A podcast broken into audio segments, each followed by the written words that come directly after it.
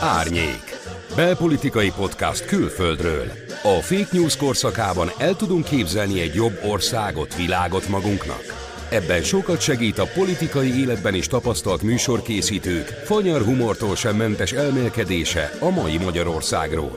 Tájföldről, Angliából, Franciaországból, Izraelből és Svédországból jelentkezünk két hetenként kedden abszurd, amikor Magyarországon politikai felhanggal arról beszélnek, hogy Magyarországról kivándorolnak mondjuk Németországba vagy Londonba, nem vándorolnak ki. El lehet menni Magyarországon, így lehet bennünket hagyni, kérem szépen. Tessék! Lehet menni. Önök nagy és nehéz feladatra vállalkoztak. Kicsit több mint egy éve lettek új barátaim. Olyan barátaim, és úgy, ahogy soha nem gondoltam virtuálisan. Két hetente találkozunk Skype-on, de emellett nagyon sokat domálunk chatten. Ők az Árnyék podcast szereplői. Nem sorolom fel őket, úgy is ismeritek már az összeset. Most, hogy itt a nyár, és az Árnyék minden tagja inkább a napsütést választotta, úgy gondoltuk, hogy megmutatunk nektek két beszélgetést a következő két hétben, két oszlopos tagunkkal. Ezeket a beszélgetéseket Bán Andris készítette korábban a saját podcastjába, a Halottnak a Kócsba. Elsőre Pettik Ágival találkoztak persze virtuálisan, és én, aki sokat beszélgetek a közös csopiban Ágival, nagyon sok új és érdekes dolgot tudtam meg róla. No de ne ezért hallgassátok végig. Hogy akkor miért? Hogy ti is megérezzétek azt a nyitottságot, elfogadást és ítélkezésmentességet Ági gondolataiban, ami valljuk be, az árnyék közéleti témáinak kibeszélésekor kevéssé jellemző rá. Szóval akkor figyelem, következzen Pettik Ági és Bán Andris. Üdvözlöm a hallgatókat, sziasztok! A vendégem nem más, mint Petti Ági, akit már ismerhettek az Árnyék podcastből. Szia Ági! Sziasztok, üdvözlöm a hallgatókat! Nagyon örülök, hogy elfogadtad a meghívásomat ide a Halottnak a kócsba. E, azért gondoltam, hogy érdekes lenne veled beszélgetni itt az adásban, mert a hallgatók még nem tudják, hogy te egy mentálhigiénés szakember vagy, aki, hogyha jól tudom, akkor családsegít festésre specializálódott, ugye? Teljesen jól tudod, igen. És ami még emellett érdekes veled kapcsolatban, hát sok minden, de hogy amit kiemelek itt, az az, hogy négy gyermekes anyuka vagy, aki ezt épésszel túlélte. Sőt, a gyerekek is túlélték épésszel. Sőt, a gyerekek is. És ugye volt már itt korábban olyan adásról, szintén négy gyermekes, szintén családsegítő anyukával beszélgettem, akinek azért voltak ezzel kapcsolatban eh, kihívásai, nehézségei, és tudjuk azt, hogy nem csak a munkában lehet kiégni, hanem akár anyaként is szülői szerepben, tehát hogy ez is nagyon érdekel, hogy, hogy nálad ez hogyan működik, meg még talán azért, hogy a sztárfaktorodat emeljük, azért azt is kell tudni rólad, hogy a Besodrom együttes első számú banda babája vagy, és menedzsere, vagy nem is tudom, hogy mit Hát azt nem nem be, de ott is mondani. a segítő foglalkozás ott is elkér. Aha, értem. Tehát, hogy ez egy ilyen családi biznisz, de, ugye? Igen, ez egy családi vállalkozás is. Hmm. A jó úttörő, ahol tud segít alapon művelődésszervezés szakot is végeztem egyszer valamikor, az volt az alapdiplomám, úgyhogy azt is lehet kamatoztatni, és akkor és az a kedvenc zenekarom, tehát hogy így rajonghatok szabadon észszel. És lehet, hogy megkérjük a Gergőt, hogy felhasználhatjuk-e az egyik dalt betétnek ehhez, a, ehhez az epizódhoz. Biztos megengedi. Na, figyelj, Ági, mesélj egy picit magadról, légy szíves, mert eh, tudom, hogy csak az élettörténetedből lehetne egy négy-öt órás podcastet csinálni, de azért mégis így, így bevezetésképpen mi az, amit feltétlenül érdemes tudni rólad? Én 46 éves vagyok idén, és, és nagyon jól érzem magam ebbe a 46-ba. És, és ennek az az egyik oka, hogy mindig azt csinálhattam, amit szeretek csinálni, és azt gondolom, hogy ezért is lehetett épésszel végigcsinálni, amit végigcsináltam, és hogy a körülöttem élőknek is ez éppészel sikerült, hogy végigcsálták velem azt, amit én szerettem volna végigcsinálni, mert hogy én nekem az volt a karrierálmom, hogy anyuka szerettem volna lenni, úgyhogy ilyen szempontból én most már áthatoltam a nyugger kategóriába ebbe a szakmába, mert már minden gyerekem elég nagy, tehát a legkisebb 16 éves, aztán van 18, 21 és 23 éves gyerekeink vannak. Ugyanabból az alomból, tehát ugyanaz az apjuk meg az anyjuk és még mindig együtt élünk, és akkor azt gondolom, hogy ez egy ez egy jó ok lehet arra, hogy én, én családokkal foglalkozom. Tehát ez egy jó bizonyítvány, azt hiszem, hogy, hogy mindenki jól van ebbe a helyzetbe, tehát nem a cipésznek is lukas a cipője alapon vagyok, vagyok ebbe. Hogy miért ezt választottam, az volt a kérdés. Ez egy ilyen családi ügy, azt hiszem, tehát az, az édesanyám pszichológus volt, és, és ő családsegítéssel foglalkozott, meg kisgyermekes tanácsadással is foglalkozott, az úgynevezett, nem tudom, hogy létezik-e még a, a nevelési tanácsadó, mint intézményrendszer, de annak idején Magyarországon a 80-as években ez nagyon is létezett, annyira létezett, hogy, hogy, hogy, hogy onnan elég neves családpszichológusok kerültek ki, például a Vekerdi Tamás is annak idején ott dolgozott a harmadik kerületi Neftamban, meg ahol az anyukám is dolgozott, és baromi érdekes modellekkel szórakoztatták magukat, meg a segítségre szorulókat, mint a családlátogatásoknak a, a modellje, meg ilyesmi, tehát hogy nem csak akkor találkoznak a páciens, amikor befáradt, hanem meg lehet nézni őt otthon is. Tehát én gyakorlatilag ebben nőttem föl, és amiben még fölnőttem, az az egész magyar civil szféra kialakulása a második világháború után a rendszerváltás előtt a 80-as évek közepén, tehát én különböző ilyen leendő mentálhigiénés szakemberek, leendő segítőfoglalkozások, leendő civil szervezetet alapítók, különböző ilyen titkos, féltitkos és hivatalos ülésein töltöttem a hétvégéimet anyukám mellett, és ez, ez úgy valahogy beivódott, és tetszett is. Tehát, hogy, hogy ez olyan érdekes volt, és olyan egyértelmű volt, hogy ezt, ezt én szívesen csinálnám, és akkor, amikor sikerült kijárnom a középiskolát, akkor anyukám egy dolgot kért tőlem, hogy semmi esetre se legyek pszichológus. Na, ezt miért? És akkor ez engem egy kicsit úgy meglepett, hogy ennyire alkalmatlannak talál engem erre a dologra, de azóta, hogy látom a sok pszichológus ismerősömnek a nehézségeit, azt gondolom, hogy valóban a, a pszichológusi pálya az, az egy baromi hierarchikus, nagyon tekintélyelvre épülő rendszerben működik, és én arra tökéletesen alkalmatlan vagyok valószínűleg. Tehát nem... És anyukád ezért, ezért óvott téged? Igen, mert ő is alkalmatlan volt erre, és ezért ő, ő is egy ilyen szabadabb típus volt, és ezért nem is tudott úgy haladni ebbe, ahogy azt ott, ott lehetett, vagy kellett volna. És azt hiszem, hogy az ő saját csalódásaitól akart engem megkímélni, vagy valami ilyesmi, esetre most már örülök neki. Hosszú idő után már örülök neki, hogy ezt ezt a korán bizt, ezt a csomagot. Mondjuk valószínűleg nem is vettek volna föl, mert kellett reáltárgyból is felvételizni, és mondjuk abból nagyon gyönge voltam, tehát se fizikából, se matematikából, ugye ott a statisztikák miatt. Ági, erről egy picit mesélj még légy Szükség szíves, mert most, hogy nekem még picit friss ez a trauma, hogy nem vettek föl a, a sotéra, a mentálhigiénére, amit te egyébként elvégeztél. Amit én elvégeztem, igen. És egy picit a saját bőrömön tapasztaltam, nem tudom jól megfogalmazni, hogy mi az pontosan, csak szubjektív módon, de hogy egy picit a saját, úgy éreztem, hogy a saját bőrömön tapasztalom azt a fajta merev, hierarchikus, elutasító, mi vagyunk az Istenek, ülünk a helytetején, és kiválasztjuk, hogy ki az, aki tanulhat, és, és valahogy én ebbe, mint örök outsider, valahogy így első körben nem sikerült beillenem, hogy te erről mi az, a, amit te tapasztaltál anyukád által, magad, magad által? Ez a mentálhigiénikus képzés a Sotén szerintem akkor indult, amikor én oda jelentkeztem. Én teljesen véletlen egy újságcikkbe. Tehát én, el, én amikor, amikor a pályaválasztásra került a sor, akkor helyette azt a pályát valósítottam meg, amit óvodába elképzeltem, és szültem gyorsan kettő darab gyereket. És akkor, amikor ezzel a kettő darab gyerekkel eljött az a pillanat, hogy akkor szellemileg jó lenne valami input, tehát vágyom valami a mondókákon és a rengeteg versen kívül valami szellemi táplálékra, akkor beiratkoztam művelődés szervezés szakra a tanárképzőfőiskolára, és az nagyon hasznosnak bizonyult, mert az egy ilyen intenzív képzés volt, hogy hétvégente lehetett iskolába járni, havonta egy hétvégét kellett bent tölteni, és mindenféle témáról volt szó, a pszichológiától kezdve közgazdaságtan történetig. Tehát egy ilyen alapműveltségi dolog volt, amiben volt, voltak érdekesebb és kevésbé érdekes tantárgyak. Például volt a közösségfejlesztés, mint tantárgy, ami baromira érdekelt, és akkor azt gondoltam, hogy fú, ez milyen jó lenne valami ilyesmit tanulni. És aztán lement az a, az, az iskola, és megszereztem a diplomát, addigra született egy harmadik gyerekem, és akkor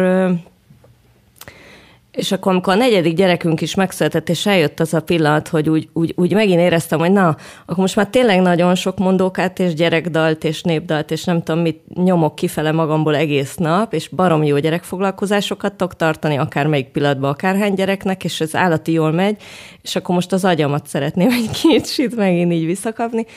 És akkor ültem a újsággal, és nem szoktam hirdetési rovatot olvasni, de aznap már ott tartottam, hogy már azt is, mert bötű, és akkor, akkor láttam, hogy felvételt hirdetnek, ez egy keresztfél éves képzés volt, és nem volt gyakorlatilag előfeltétele a bekerülésnek, azon kívül, hogy van diploma, tehát nekünk nem volt felvételink, amint te túlestél, az nekünk nem volt még. Nem jelentkeztünk, Akkor és még kész. nem volt túljelentkezés. Tehát nem volt túljelentkezés, igen. És, és nem is számított ez a szakma olyannak, mint amivel lehet bármit csinálni, tehát amikor mi végeztünk, akkor ezzel konkrétan azt lehetett csinálni, hogy elmész az idősek otthonába, vagy a, vagy a, a, a helyi orvosi rendelőnek a, nem tudom, kismamákkal foglalkozó részén esetleg lehet, hogy... Szóval ezt mint egy ilyen, mint egy ilyen mellékképzés végezték el olyanok, akik eleve emberekkel foglalkoztak, tehát nem volt ez úgy egy ilyen divatos szakma, mint most. Tehát amikor végeztem, és mondtam, hogy mentálhigiénikus szakember vagyok, akkor mondták, hogy aha, és az mi? Uh-huh. Tehát, hogy, hogy ilyen szempontból ez más volt, és, és azért nem éreztem a hierarchiát ebben, mert ez összesen egy két éves felsőfokú szakképzés volt akkor, tehát, hogy ez nem, nem tűnt olyan bonyolultnak. Én konkrétan egy gyerekkel jártam, tehát az Eszti akkor volt fél éves, és akkor én úgy indítottam ezen a szakon, hogy bementem a, a fél éves igény szerint szoptatott gyerekemmel, és mondtam, hogy jöttem a tanulni. És akkor mondták, hogy az szuper, de a gyereket azt akkor valaki most már kapcsolja le rólam, és akkor megbeszéltem velük, hogy az a helyzet, hogy ez egy igény szerint szoptatott gyerek, ezt a fogalmat nem ismerték ott éppen akkor még, ebből írtam aztán oda a szakdolgozatomat, hogy megismerjék, és elmagyaráztam, hogy ennek az a feltétele, hogy mi így együtt vagyunk a helyzetekbe. Tehát, hogy én gyerekkel jártam koncertre is szegényekkel, meg múzeumba is, meg piacra is, meg iskolába is, és akkor, hogy ez, ez így lesz. És aztán így is lett, és, és tök érdekes volt nézni, hogy rögtön az elején kiderült, hogy van más is a csoportban, akinek ugyanekkor a gyereke van, de ő meg ezt a hétvégét, amikor képzésre járunk, arra használja, hogy kikerüljön ebből az anyasági helyzetből, és eljöhessen otthonról csütörtök, péntek, szombat, és, és valami másba legyen. És hogy tök érdekes volt már eleve nézni ezt a két modellt, hogy az egyik a gyerekkel jár oda, a másik meg a gyerek nélkül jár oda, és azt a következő évben a beiratkozók között volt már, aki gyerekkel érkezett, és a mi csoportunkban is volt, aki gyerekkel folytatta, már hogy ott volt vele a gyerek.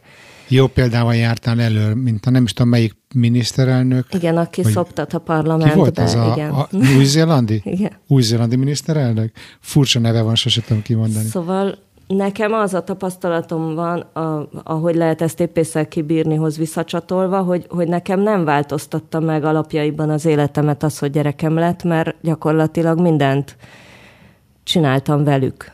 Tehát nem kellett akkor főznöm, amikor ők aludtak, mert velük együtt főztem. Tehát mindenki lila hajat kapott attól, hogy a két éves gyerek simán vágta a répát, de hát most vagy együtt tehát, hogy, hogy az időbeosztás szempontjából az olyan jó bulinak tűnt, hogy amikor elmegyünk együtt a piacra, akkor nagyon lassan fogunk bevásárolni, mert együtt megyünk a piacra, viszont közben az összes gyümölcsöt, zöldséget, hogy termeszti Micsán néni, miért a szupermarketben, miért a piacon, mit, szóval, hogy ezeket mind közben át lehetett beszélni, tehát, hogy, hogy, hogy azok nem elvesztett idők voltak nekem, és azt hiszem, hogy nekik se, tehát, hogy ez egy fontos. Hmm. Tehát, hogy nekem nem szakadt meg a, az addig életem egyrészt, mert baromi fiatalon vállaltunk gyereket, másrészt meg... Tudatosan, ez tudatos abszolút, volt ez a... teljesen. Hmm. Másrészt meg, meg aztán és kondiba is voltunk ehhez, tehát ugye még a bulizás nem múlt el, tehát az, hogy éjszaka három órát alszunk, vagy négyet, ez nem volt egy ismeretlen fogalom, mert, mert pont abban az életkorban voltunk, amikor ezt jól bírtuk, és, és valahogy ez úgy alakult, ez a, tehát fesztiválra is jártunk velük, és akkor nálunk nem az volt az első pont a fesztiválokkal kapcsolatban, hogy megkérték, hogy hadd menjenek, hanem megkértek minket, hogy hadd ne jöjjenek már ki megint tényleg, nem tudom hova, egy hétre, szóval, hogy lehet, ők tök jól el tudják foglalni magukat másképp, és aztán persze három-négy év kihagyás után könyörögtek térden áll, vagy szeretnének jönni, vegyünk egyet, és akkor kaptak egyet, meg minden, de hogy, hmm. na, szóval, hogy, hogy nem változott meg gyökeresen az életünk ilyen szempontból attól, hogy gyerekünk lett. Hmm. Figyelj, erre majd még térjünk vissza, csak egy picit még szeretnék belőled több infót kisajtolni az ügyben, hogy mi volt a tapasztalatod, mi volt anyukádon keresztül a tapasztalatod a pszichológus világ rigid, hierarchikus tehát, hogy mi, mi ez? Mi ez, amiről beszélsz? Kíváncsi vagyok erre, hogy mi az, amit láttál.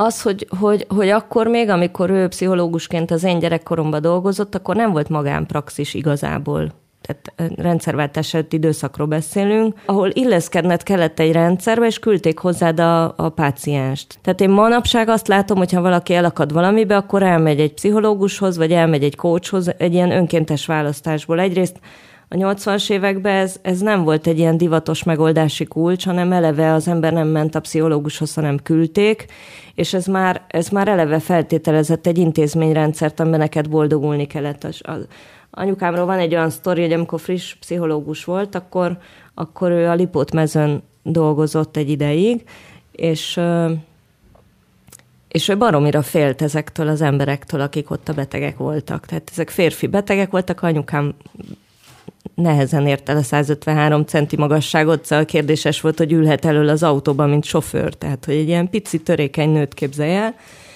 akit betereltek egy ilyen helyre, mint a Lipótmező, ami már azóta megszűnt, és kapott egy adag ilyen férfi beteget, hogy akkor velük lesz kedves foglalkozni, frissen végzett pszichológusként. És akkor anyukám azt állta ki, hogy ő annyira fél ebbe az árt helyiségbe ezektől a férfiaktól, hogy kivinni őket a kertbe, és így született meg egy fantasztikus kezdeményezés, hogy sétáltak a kertben. Tehát arra gondolt, effektív arra gondolt, hogy, hogy itt legalább esél vagy elfusson, valami történik.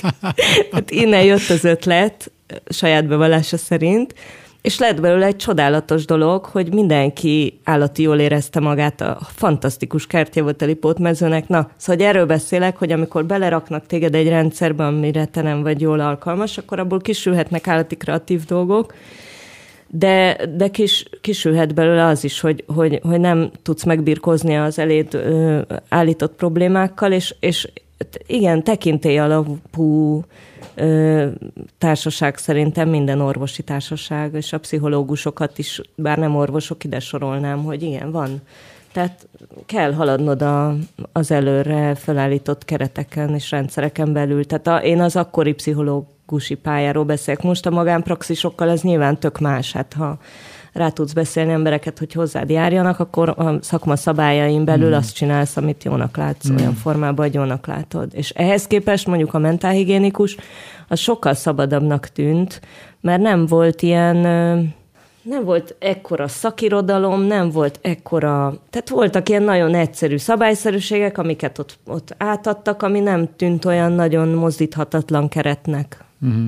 És akkor nem érezted úgy, hogy most csalsz, mert hogy anyukád rád pirított, nehogy pszichológus legyél, és akkor ilyen lightos mégis azért, de azért... Nem, azt belátta ő, hogy, a, hogy azért segítő foglalkozásra nem lehet engem lebeszélni, és ennek nagy hasznát is vett egyébként a család, hogy ilyen segítő szándékú ember voltam, mert az összes beteg, krónikus beteg, az, azt azért szabadot ápolnom, meg mindent, tehát oda, odaadó gyerek voltam, és és odaadó felnőtt lettem, és, és ő igazából engem akart megvédeni ezzel, hogy ne legyek pszichológus, nem? Tehát a törékenységemet, vagy a sérülékenységemet, vagy a...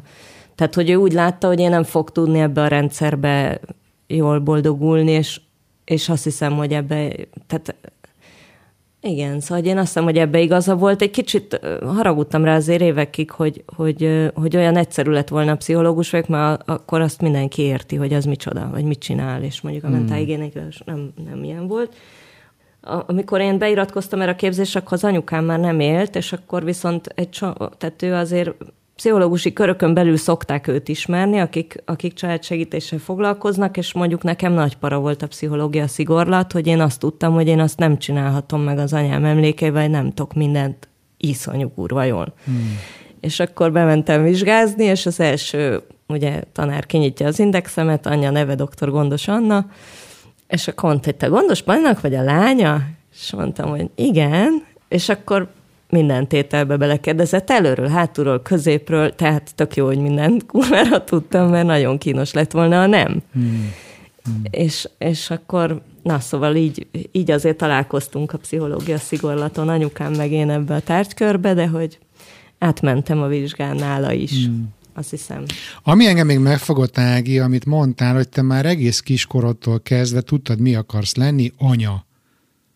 Hogy ez honnan jött, mi ez? ez erről mesélj kicsit. És ez nagyon sok problémát okozott, mert mindig, mikor kérdeztek, hogy ha nagy leszek, mi szeretnék lenni, és akkor tudtam, hogy az a helyzet, most kéne mondani valami tök jót, hogy fodrász, vagy tantoninca, szóval régen ilyeneket vártak az embertől, hogy mondjon és akkor mondtam, hogy anyuka, és mindig mondták, hogy jó, de és még azon kívül, tehát hogy mi akarsz lenni a nagy lesz.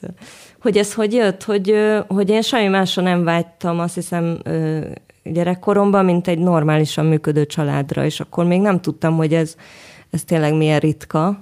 De azt hiszem, hogyha a 70-es évek közepén született gyerekekről van szó, akkor nem tudom hány százaléka vagyunk, akiknek elváltak a szülei, de, de valószínűleg nagy arányban. Neked is? Persze. Nem tudom, hogy a mostani gyerekeknek rosszabb a helyzet. Összesen házasodnak. De, de ők viszont a mozaik család előnyeit és hátrányait élvezhetik, ami, ami megint csak egy másik, tehát én arra szoktam mondani, hogy ez a haladóknak való feladvány, szerintem. Na mindegy, az a lényeg, hogy hogy nekem nagyon hiányzott, hogy, hogy ahogy a könyvekben vagy a nem tudom, történetekben szokott lenni, hogy van apu, anyu, és akkor vannak a gyerekek, és akkor van egy ilyen nagy család, és hát nálunk se a nagy család nem volt, ugye egy holokauszt által érintett csapat vagyunk, ez biztos a Jeruzsálemből is azért így összerakható. Tehát nem volt nagy család, a nagy család az úgy, úgy tudott kialakulni, hogy nekem a nagyszüleim is elváltak például, és akkor a, a nagypapám első felséges, meg a második is ott lehetett egy, egy ilyen családi eseményen, és az egyiknek az anyukája is, meg a másiknak is, de se unokatestvéreink nem voltak, se. Szóval, hogy, hogy nem volt ez a család dolog valahogy, és ez nekem borzasztóan hiányzott, és tudtam, hogy én egy olyat fogok csinálni, vagy azt szeretnék csinálni, ez sikerült. De hogy én azt gondolom, hogy minden kislány az óvodába főz ilyen levest, meg tologatja a babát, meg öltözteti, meg nem tudom, csak nekem ez nem múlt el. Tehát, hogy én a babakocsit tologattam 13 évesen is tök szívesen, hogy hát ha azt hiszik, hogy élő gyerek van benne, tehát, hogy nem... Szóval, hogy nekem ez egy ilyen fontos dolog volt. A hallgatók nem tudják, hogy mi körülbelül fél éve ismerjük egymást, így az Árnyék Podcast hozott össze minket, és iszonyatos sebességgel derült ki, hogy 83 ezer párhuzam van az életünkben, tehát a korosztálytól kezd, a, rengeteg, és most én ugye még azért most új információkat hallok rólad, de hogy erről meséltél, erről a vágyadról, ami már gyerekkorban volt, hogy kis család, és, és, és nem harmonikus családi légkör, hogy basszus, ez akkor most... A családi légkör harmonikus, bocs, a családi légkör tök harmonikus volt, tehát nem, nem, soha nem volt botrány, vagy izé, tök jól volt, mindenki jól, tehát ez együttműködés kiváló volt. Csak nem volt meg ez a, ez a fészek valahogy mégse. Tehát, hogy, hogy hiába csinálják marha jól az elvált szülők a, az akármit, tehát az együttműködést, nem, tehát nem lesz fészek, na, csak ez a, bocs hogy mégis azt mondom, hogy ez, ez akkor is egy újabb párhuzam a, a, a, a te meg az én történetemben, hogy, hogy nekem már tizenéves, kora tizenéves koromban már egészen világos volt, hogy az életem célja, hogy jó családom legyen. És hogy én például emiatt is volt az, hogy nem is gondoltam a pályaválasztásra, nem is foglalkoztam azzal, hogy most minek tanuljak tovább, vagy, vagy mégis milyen szakma érdekel, mert egyáltalán nem volt ez nekem kérdés. Nem, nem érdekelt. Engem az érdekelt, hogy az én családom, hogyha lesz, az nagyon frankó. Az legyen. jó lesz. De sikerült, nem? Állítólag. Mondjuk én, mi egy gyereknél megálltunk, szóval köszönöm. De hogy, de hogy és az egy gyerekről meg az jut eszembe, hogy, hogy mennyire változik az élet, vagy a kor, vagy nem tudom, és, ma, és kérdezem a lányomat, aki kilenc lesz, hogy és Emily, te mi akarsz lenni? Hát én az az ember akarok lenni, aki az erdőben fölszedi a szemetet. Okay. Tehát, hogy nem, nem tudom, varónő.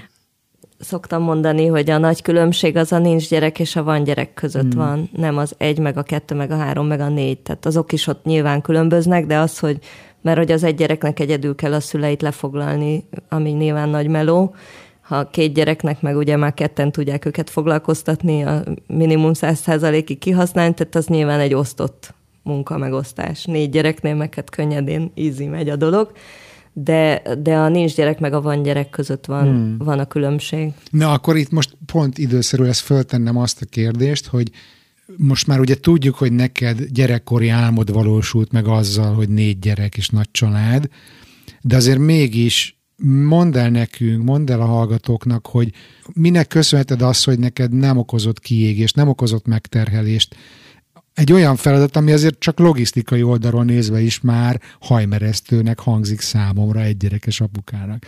Hogy mit csináltál, mi, hogy tudtad megelőzni ezt a kiégést szülőként? Hát például a, a work-life balance, amiről is sokat szoktatok beszélni, ahelyett nekem ez a life-work balance van az első helyen. Tehát, hogy én azt gondolom, hogy, hogy a, hogy a párkapcsolat is, meg a családi élet is az egy ilyen megküzdési tapasztalat, és attól leszel benne ügyes, hogyha gyakorlod. Tehát nem az életkor előre haladtával leszel rá feltétlenül képes, tehát nem kizárólag az életkor határozza meg a sikerességét, hanem, hanem maga a gyakorlás. Na most, amikor amikor fiatalabban csinál az ember gyereket, erre most nemrég pár nappal ezelőtt hívta fel a figyelmemet egy szeretett rokon, aki egyébként pszichológus, hogy mostanában nem csinálják a gyereket, hanem vállalják, és hogy ebből következnek bizonyos dolgok. Pro és kontra nyilván, csak hogy, hogy úgy megütötte a fülemet, hogy tényleg ezt a gyerekvállalás szót mennyit használjuk, és hogy mi annak idején csináltuk ezeket a gyerekeket, és teljes tudatosságban, és azzal a céllal, hogy jól érezzük magunkat velük, és nekünk ez volt a középpontjába az életnek, tehát hogy, hogy mi valahogy ilyen egyik napról a másikra csináltuk a mindennapokat, tehát nem gondolkoztunk előre, hogy majd a nyugdíjunkat ki fogja kifizetni, hanem, hanem, hanem ma meg akartuk oldani a mai napot, holnap meg a holnapot, és, és valahogy valahogy az volt a cél, hogy, hogy minél több időt lehessen együtt tölteni. Tehát az valahogy világos volt mind a kettőnk számára, tehát a Gergőnek is, meg nekem is, hogy ezek, az, ezek a pillanatok, amiben amiben mi minden olyan jutalmazást megkaptunk, amit meg lehet kapni szerintem egy ilyen, mondjuk egy multinacionális cégnél, hogy, hogy hogy haladsz előre, egyre ügyesebb vagy, erre visszajelzés érkezik, hogy te jól csinálod, amit csinálsz, hogy, hogy, hogy juniorból senior leszel, hogy, hogy, hogy megvannak azok a, a, a, az eszközeid, amivel te már simán csinálod a dolgokat, tehát egy buszpályaudvaron simán bepelenkázol két gyereket, úgyhogy leteríted a kabátodat a földre, nem jön a nem tudom milyen járat, mert a mávlek és a volánt, szóval, hogy ami egy tök általános helyzet mondjuk Magyarországon, hogy ezek, ezek ne okozzanak problémát, ezek, ezek állati sok kreativitásra adnak lehetőséget, és baromi ösztönzőleg hatnak, és iszonyú fejlett leszel a multitaskingban mondjuk. És Aha. hogyha ezt te úgy éled meg a párkapcsolatot is, meg a család életet is, mint egy, mint egy megküzdési tapasztalat, és, és mint egy csapatmunka, vagy, vagy, vagy mint, inkább mint egy csapatjáték, ahol, ahol azért az egy, az egy tök jó alap, hogy te, te a lehető ö, legjobb teljesítményedet nyújtod, és, és ö, feltételezed a másikról, hogy ő is a lehető legjobb teljesítményét nyújtja, akkor tudtok tök jól együttműködni és ha tök jól tudtok együttműködni, akkor ezek a kis szarosok, érted, akik itten azonnal itt és mostban vannak, és közlik az érzéseiket, meg az igényeiket, anélkül, hogy ezt tanulniuk kellene, hogy ettől, ettől fejlődsz, és, és attól, hogy fejlődsz, attól, attól jól vagy. Szerintem hmm. ez ennyire egyszerű. És, és az, hogy nem okozott ez nehézséget, de ez, ez piszok nehéz volt. Tehát mind fizikailag, mind szellemileg azt gondolom, mind párkapcsolatilag, ezek, e, e, ez kihívás, ez tökre kihívás, ezt nem mondanám, hogy nem, és azt sem mondanám, hogy, hogy ebben nem lehet kiégni, mert de nyilván lehet kiégni benne. Mindig meg kell találni azt a, azt a pillanatot, ami, amivel tovább tudsz menni. Tehát azt szoktam mondani, hogy nekem állati sokat segített annak idején, hogy, hogy valahogy amikor nehéz volt, tehát amikor egyszerre üvölt három gyerek, mert fázik, és nem tudod megoldani, hogy ne fázzon, vagy mit tudom én, szóval ilyen hülyeségek, akkor mindig arra gondoltam, hogy amikor már azt éreztem, hogy ez annyira nehéz, hogy nem tudom megugrani, nem tudom megoldani, akkor valahogy így bevillant az a kellemes gondolat, hogy ezek azok a pillanatok, amire egyáltalán nem fogok emlékezni, hogy voltak.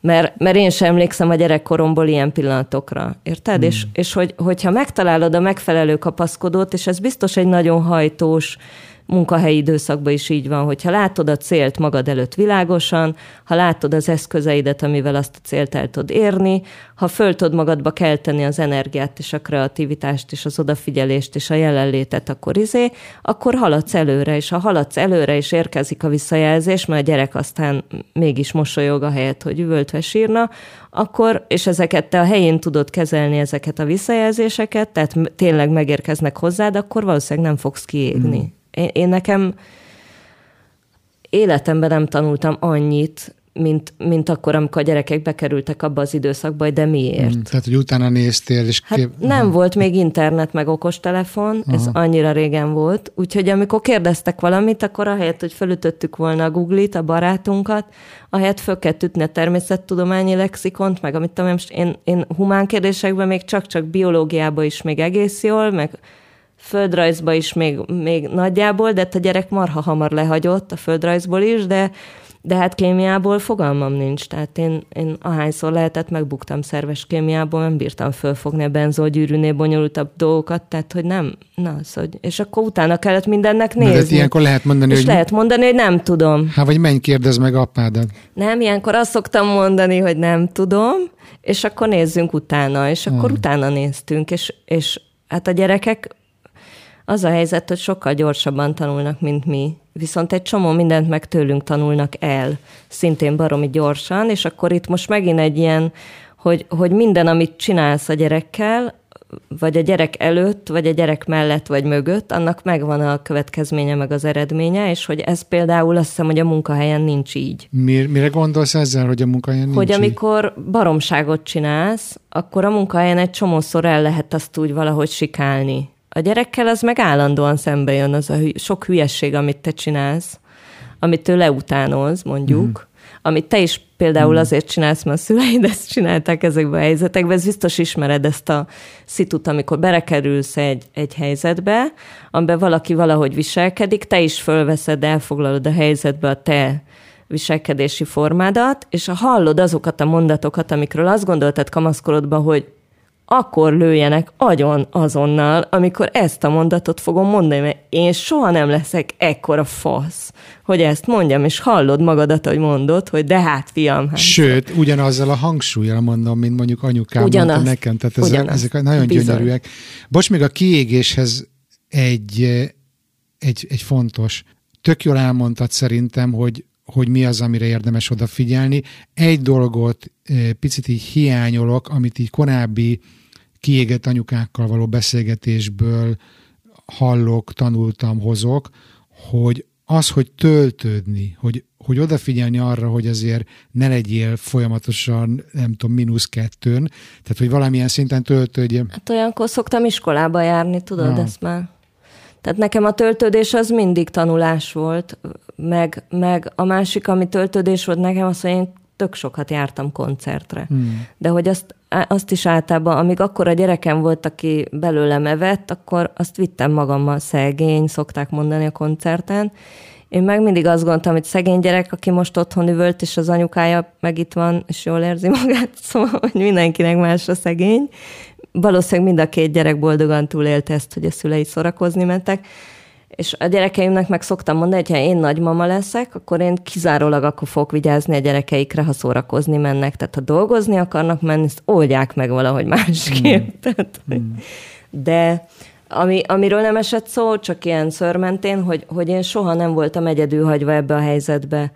És tehát ez már volt róla szó, hogy a Gergővel mind a ketten úgy gondoltuk, hogy, hogy ez az az időszak, amíg a gyerek kicsi, addig nem arra vágyik, hogy nem tudom, milyen babakocsia, meg pelenkája legyen, vagy milyen bébiételt tegyen, vagy milyen ruhába járossák, amikor járni se tud, hanem arra vágyik, hogy, hogy legyen két szempár, vagy négy, amiben belenéz, hogy legyen kar, ami átöleli. Ezek ilyen nagyon csöpögősen hangzó dolgok, de egy, de egy gyereknek ezek a legfontosabb szükségletei. Tehát egy, egy gyerek nagyon hosszú ideig fizikai szükségletek mentén létezik, eszik, alszik, ürít. Tehát, hogy, és ezeket lehet úgy is kezelni, hogy ebben én felcserélhető vagyok, mert ezt bárki meg tudja csinálni, de valamilyen oknál fogva a természetben ez úgy van kitalálva, hogy az állatvilágban is, amikor fölcserélik eb- ezekben a szerepekben a, az ő biológiai szüleit, akkor nem pont ugyanaz az eredmény érkezik, és akkor most itt a szőranya kísérlet, meg amit tudom én, és azt is gondolom, hogy pont mi zsidók, akik sokat szenvedtünk a náci pszichológia alakulásán, és hatalmasat fejlődött szerintem a pszichológia tudománya a második világháború idején. Egy csomó olyan kísérlet,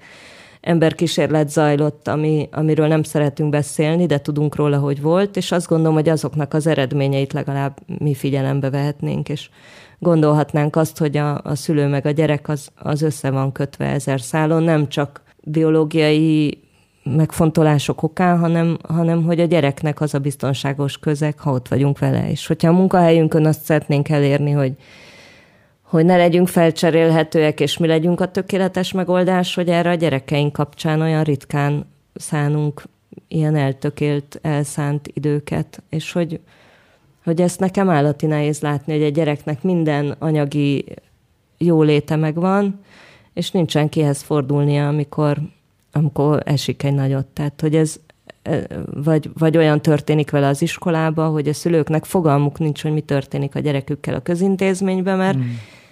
dolgoztam ilyen intézménybe is, már hogy közintézménybe voltam bölcsödei, meg óvodai gondozó, és látom, amikor elbúcsúzik a szülő, meg amikor megjön, és akkor azt szokták megkérdezni, hogy mi volt az ebéd, és hogy az is fontos, hogy mi volt az ebéd persze, de hogy, de hogy vannak fontosabb dolgok is és azokhoz a fontosabb dolgokhoz, azokhoz jelen kell lenni.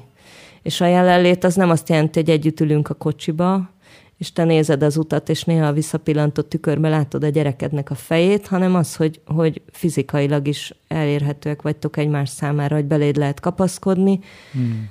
ahogy neked is igényed van, hogy belekapaszkodjál valakibe, amikor, amikor nehéz neked vagy szar. És hogy ez jogos, hogy neked nehéz vagy szar. És hogy ezekről lehet beszélni, és mindig olyan ügyesen szoktuk tudni mondani a felnőtteknek, hogy ki mindenkihez fordulhatnak, amikor nehézségeik vannak, és hogy, hogy a gyerekeknek is vannak nehézségei.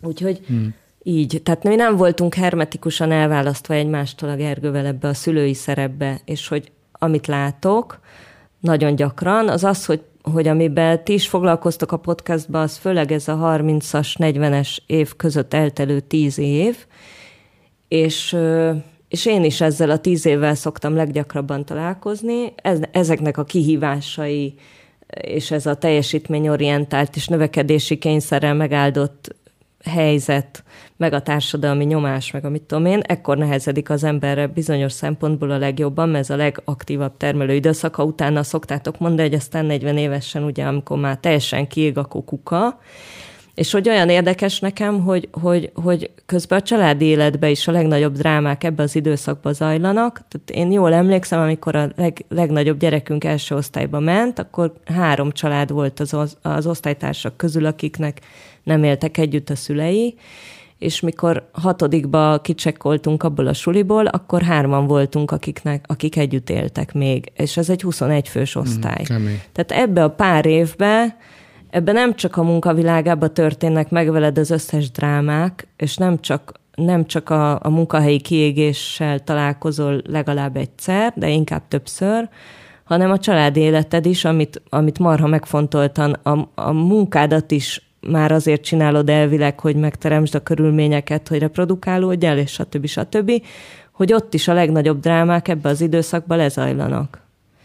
És, és hogy ezekről mintha a munkahelyen nem lenne szó. Tehát biztos beszélgetnek róla az emberek, hogy neki is milyen szar, de hogy, de hogy nem merül föl, hogy, hogy nem lehet büntetlenül 8-10-12 órát nem otthon tölteni, mert ha még utazol is meg minden, mm. akkor, akkor gyakran ennyit kérnek tőled, sőt, otthon is azon kattogsz, hogy a főnök azt mondta, meg te azt mondtad a beosztottadnak, hogy az most leadta izés, hogy, hogy nyilván te jól ismered ezt a világot, hogy, hogy ezek a nehézségek, ezek a családi életben is tökre vannak. Tehát az, hogy elsőbe megy a gyerek, vagy óvodába megy a gyerek, vagy, vagy bölcsödébe megy a gyerek, vagy a nagymamához megy a gyerek, és ott más szabályok érvényesülnek, mint amit mi szeretnénk, hogy egymással, amiket feszülgetünk, mint pár, az én azt számoltam, hogy ha tíz összeveszést megnézek mondjuk tíz évünk alatt a Gergővel, elég ritkán szoktunk veszekedni, ilyen csattanást, akkor azok a legritkább esetben olyan egóharcok, hogy nekem van-e igazam, mert mit nyer, akinek igaza van, ugye? Tehát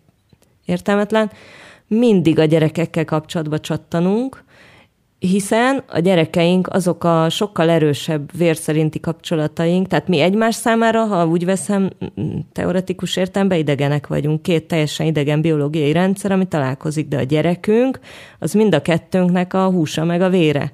Tehát ha a gyerekünkről van szó, akkor mind a ketten nagyon határozottan tudjuk, hogy mit szeretnénk, hogy hogy lenne, és mi a fontos, és az gyakran nem egyforma mert hogy teljesen különböző helyről érkeztünk. Na, csak Na, hogy egy kicsit igen. összefoglaljam, tehát hogy amit mondasz, hogy ugye a töltődés az neked is megvolt, koncertre járás, tanulás, de amit nagyon fontos kiemelni, Meg a párom. pontosan ezt akartam mondani, hogy nem voltál egyedül hagyba, hogy na jó van, anya, old meg, Nem. apa megy dolgozni, és lapátolja haza a pénzt. Mert ugye ez egy nagyon klasszikus setup Magyarországon. Ez a klasszikus. Svédországban Igen. nem, mert ott mind a két szülő megy és lapátolja a pénzt, de hogy De lehet, hogy ott nem olyan kontraszelektált mondjuk a pedagógus társadalom, mint nálunk.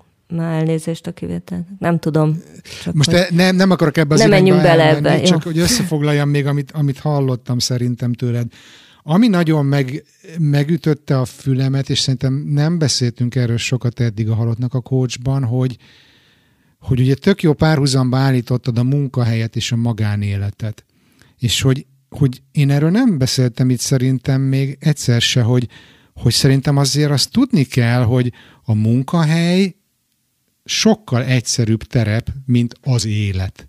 Mert a munkahelyen vannak hierarchiák, szabályok, munkaköri leírások, értékelések, processzek, stb. stb. stb. Az életben az, az, az, az, Az kicsit ilyen free, free. Tehát, hogy így amit te hozol, vagy amit te kitalálsz, az úgy van, nem is tudod feltétlenül, hogy mihez viszonyuljál. És amikor a 30-40-es, 30-tól 40, tehát az a korosztály, amiről beszéltél, hogy, hogy amikor tényleg a, az egzisztenciaépítés, a családépítés, a karrierépítés párhuzamosan zajlik, és aztán valószínűleg jön egyfajta elfáradás, kiábrándulás sokunknál, amikor elérjük a kitűzött célokat, és rájövünk, hogy az meg ettől nem vagyunk boldogak, tök jó, hogy most tíz évet ebbe belepakoltam, de most ki volt az az állat, aki azt mondta, hogy ettől boldog leszek. Tehát, hogy, hogy ez egy eléggé tipikus életszakasz, és ugye amikor ezek a nehézségek vannak, és fáradunk, és, és nem tudjuk pontosan, hogy mihez viszonyodjunk, viszonyuljunk, akkor pont amiatt, hogy a munka egy sokkal jobban meghatározott kerekrendszer, Azért ott könnyebb ezt pont emiatt sokan a munkába menekülnek. És ezt ki is használják. Tehát én szoktam gondolni, hogy azok a pszichológusok, akik munkapszichológiával foglalkoznak, azok tulajdonképpen a farkas bőrbe burt bárányok, és a mi minősített ellenségeink, mint munkavállaló, hiszen ők azzal foglalkoznak, hogy hogy lehet minket olyan kihasználtság mellett dolgoztatni, ne bolonduljunk meg teljesen, és hogy lehet minket esetleg át is billenteni abba, hogy a munkahelyen könnyebben megkapott ö, jutalmakat, mint a pekmen begyűjtsük a kis sajtokat ott a pályán, és, és haladjunk abba előre, és akkor mindegy, hogy otthon mi van, mert, mert itt viszont, itt viszont már, már nagyon megyek előre, és otthon nem megy, és akkor, akkor itt több időt töltök, és úgy szerintem állati nagy játék van ebbe az ő részükről, és, és ha valamihez a multinál baromira értenek, és sok pénzt ölnek bele, az valószínűleg ez, hogy hogy lehet a munkavállalót úgy dolgoztatni, hogy teljesen mindent kisajtolni belőle. És most egyébként tudok hozni konkrét példát, nem multiból, hanem pont segítő szakmából. Most kicsit erre büszke is vagyok, hogy, hogy volt pszichológus, gyakorló pszichológus kliensem, akinek például pont ez volt a sztoria, hogy nagyon nehezen mentek az otthoni dolgok, a családi dolgok, imádja a szakmáját, mint pszichológus, és ő abba menekült, hogy még többet, még, Még többet, több, még, többet paciens, magától, persze. egészen addig, amíg a munkájában is sikerült kiégni. Ez vissza, visszaüt, igen. Tehát ezt akarom mondani, hogy hiába tolod abba az irányba el a balanszot, mert ott jobban, könnyebben jutalmazódsz, vagy könnyebben érsz el sikereket, mert, mert egy idő után, ha nincs a, az a backup hátulról, ami a család, ami miatt családot szeretnénk, ha azt nem kapod, akkor, akkor egy idő után nem tudsz tovább, olyan, mintha nem építesz, ne, ne- nem kerül kalcium a csontrendszeredbe, akkor összeesik a, a, a csontváz. Tehát, hogy, hogy nincs, ha nincs ez a, ez a background, akkor nem tudsz ott se teljesíteni egy idő után. És akkor oda kerülsz, hogy se ez, se az nincs neked, és nulláról kell újra felépíteni. Tehát ennél jobb eleve meghozni a balanszt, és tudni, hogy te mennyit adsz bele a melóba, és mennyit adsz bele az otthoniba, mert a gyerek az, aki a halálos ágyadnál, és jó esetben veled lesz, nem a multi. Na, ez az, ez az, ez az. Köszönöm, Ági, hogy ezt mondod, pont ezt akarom én is, hogy alapesetben a munkás életszakasz az mondjuk 20-tól 65-ig, tehát az legalább 45 év. Az, hogy a gyerekedből ne legyen egy érzelmi roncs, vagy ne legyen egy, egy sérült ember, az meg 10-20 év maximum, de az első 10 főleg. Abszolút. És és hogy megéri a befektetés. És Tehát ha befektetéssel vagy gazdasága év... bárki foglalkozott, akkor azt lehet tudni, hogy ilyen megtérülése még munkahelyen vagy befektetésnél nincs. És hogyha azt a tíz évet elkummantod, és inkább a melóba pengetsz, akkor azt a tíz évet nem tudod már később belerakni. Még hogyha a 45 éves aktív életedben 10 év kimarad, vagy 10 évet félgőzzel veszel, ki nem szarja le? Igen. Na most ez egy állat érdekes dolog, hogy azt is látom, hogy egy nagyon erős szégyenérzettel párosul az, amikor az ember rájön, hogy át lett baszva ebbe a munkavilágának nevezett dologba. Tehát ő belerakta, és megjutalmazódott, és mégis közben mindent elveszített. Mert, mert ugye hiába kerül valaki egy, azt érdemes tudni, hogy hiába kerül valaki egy segítő helyzetbe bele egy problémával, azt a problémát nem lehet kiradírozni. Tehát meg lehet tanulni vele együtt élni, és tovább haladni, és olyan irányt venni, de nem lehet meg nem történté tenni. Tehát azokat az éveket, vagy azokat a pillanatokat, amiket elmulasztottál, ahogy egy párkapcsolatban is, hogyha valamit elmulasztottál, akkor azt nem lehet onnan kiszedni. Az ott lesz benne, az ott van egy ilyen, vagy a bőrödön a heg, az, az nem fog eltűnni, egy az ott marad. nem múlik el. Abból lehet előnyt kovácsolni. Igen. Én azt gondolom, hogy az egy állati egészséges elképzelés, hogy, hogy problémák meg nehézségek mindig adódnak, traumák mindig érnek minket, hiszen így tanulunk, mert mire megtanulunk járni, iszonyú sokszor elesünk, és aztán hülye fejjel meg akarunk tanulni korcsolyázni, és sokkal nagyobb méretben sokkal többször pofára esünk, és aztán meg akarunk tanulni síelni, és csupa ilyen dologhoz tudnám hasonlítani, vagy lovagolni. Tehát van egy csomó olyan dolog, aminél tök természetes nekünk, hogy mire megtanuljuk azt a dolgot, hogy az olyan legyen, hogy már tudjuk élvezni, kezdve a dohányzástól a szexen át a sielésig, addig rengeteg nehézséggel találkozunk az út folyamán. És hogy ez, ez a párkapcsolatban is így van, a családi életben is így van, és nyilván a munkahelyen is így van, és hogy még egyszer mondanám, hogy az, hogy ebbe legyen valamiféle balansz abba, hogy te mit raksz bele hova, azt tudjad, tehát nincs azzal bajom, ha valaki úgy dönt, hogy ő a munkahelyébe fogja belerakni az ezer százalékot, és a családba fogja a tizenkettőt. Tehát én nem ítélem ezt meg, hogy ez rossz, jó,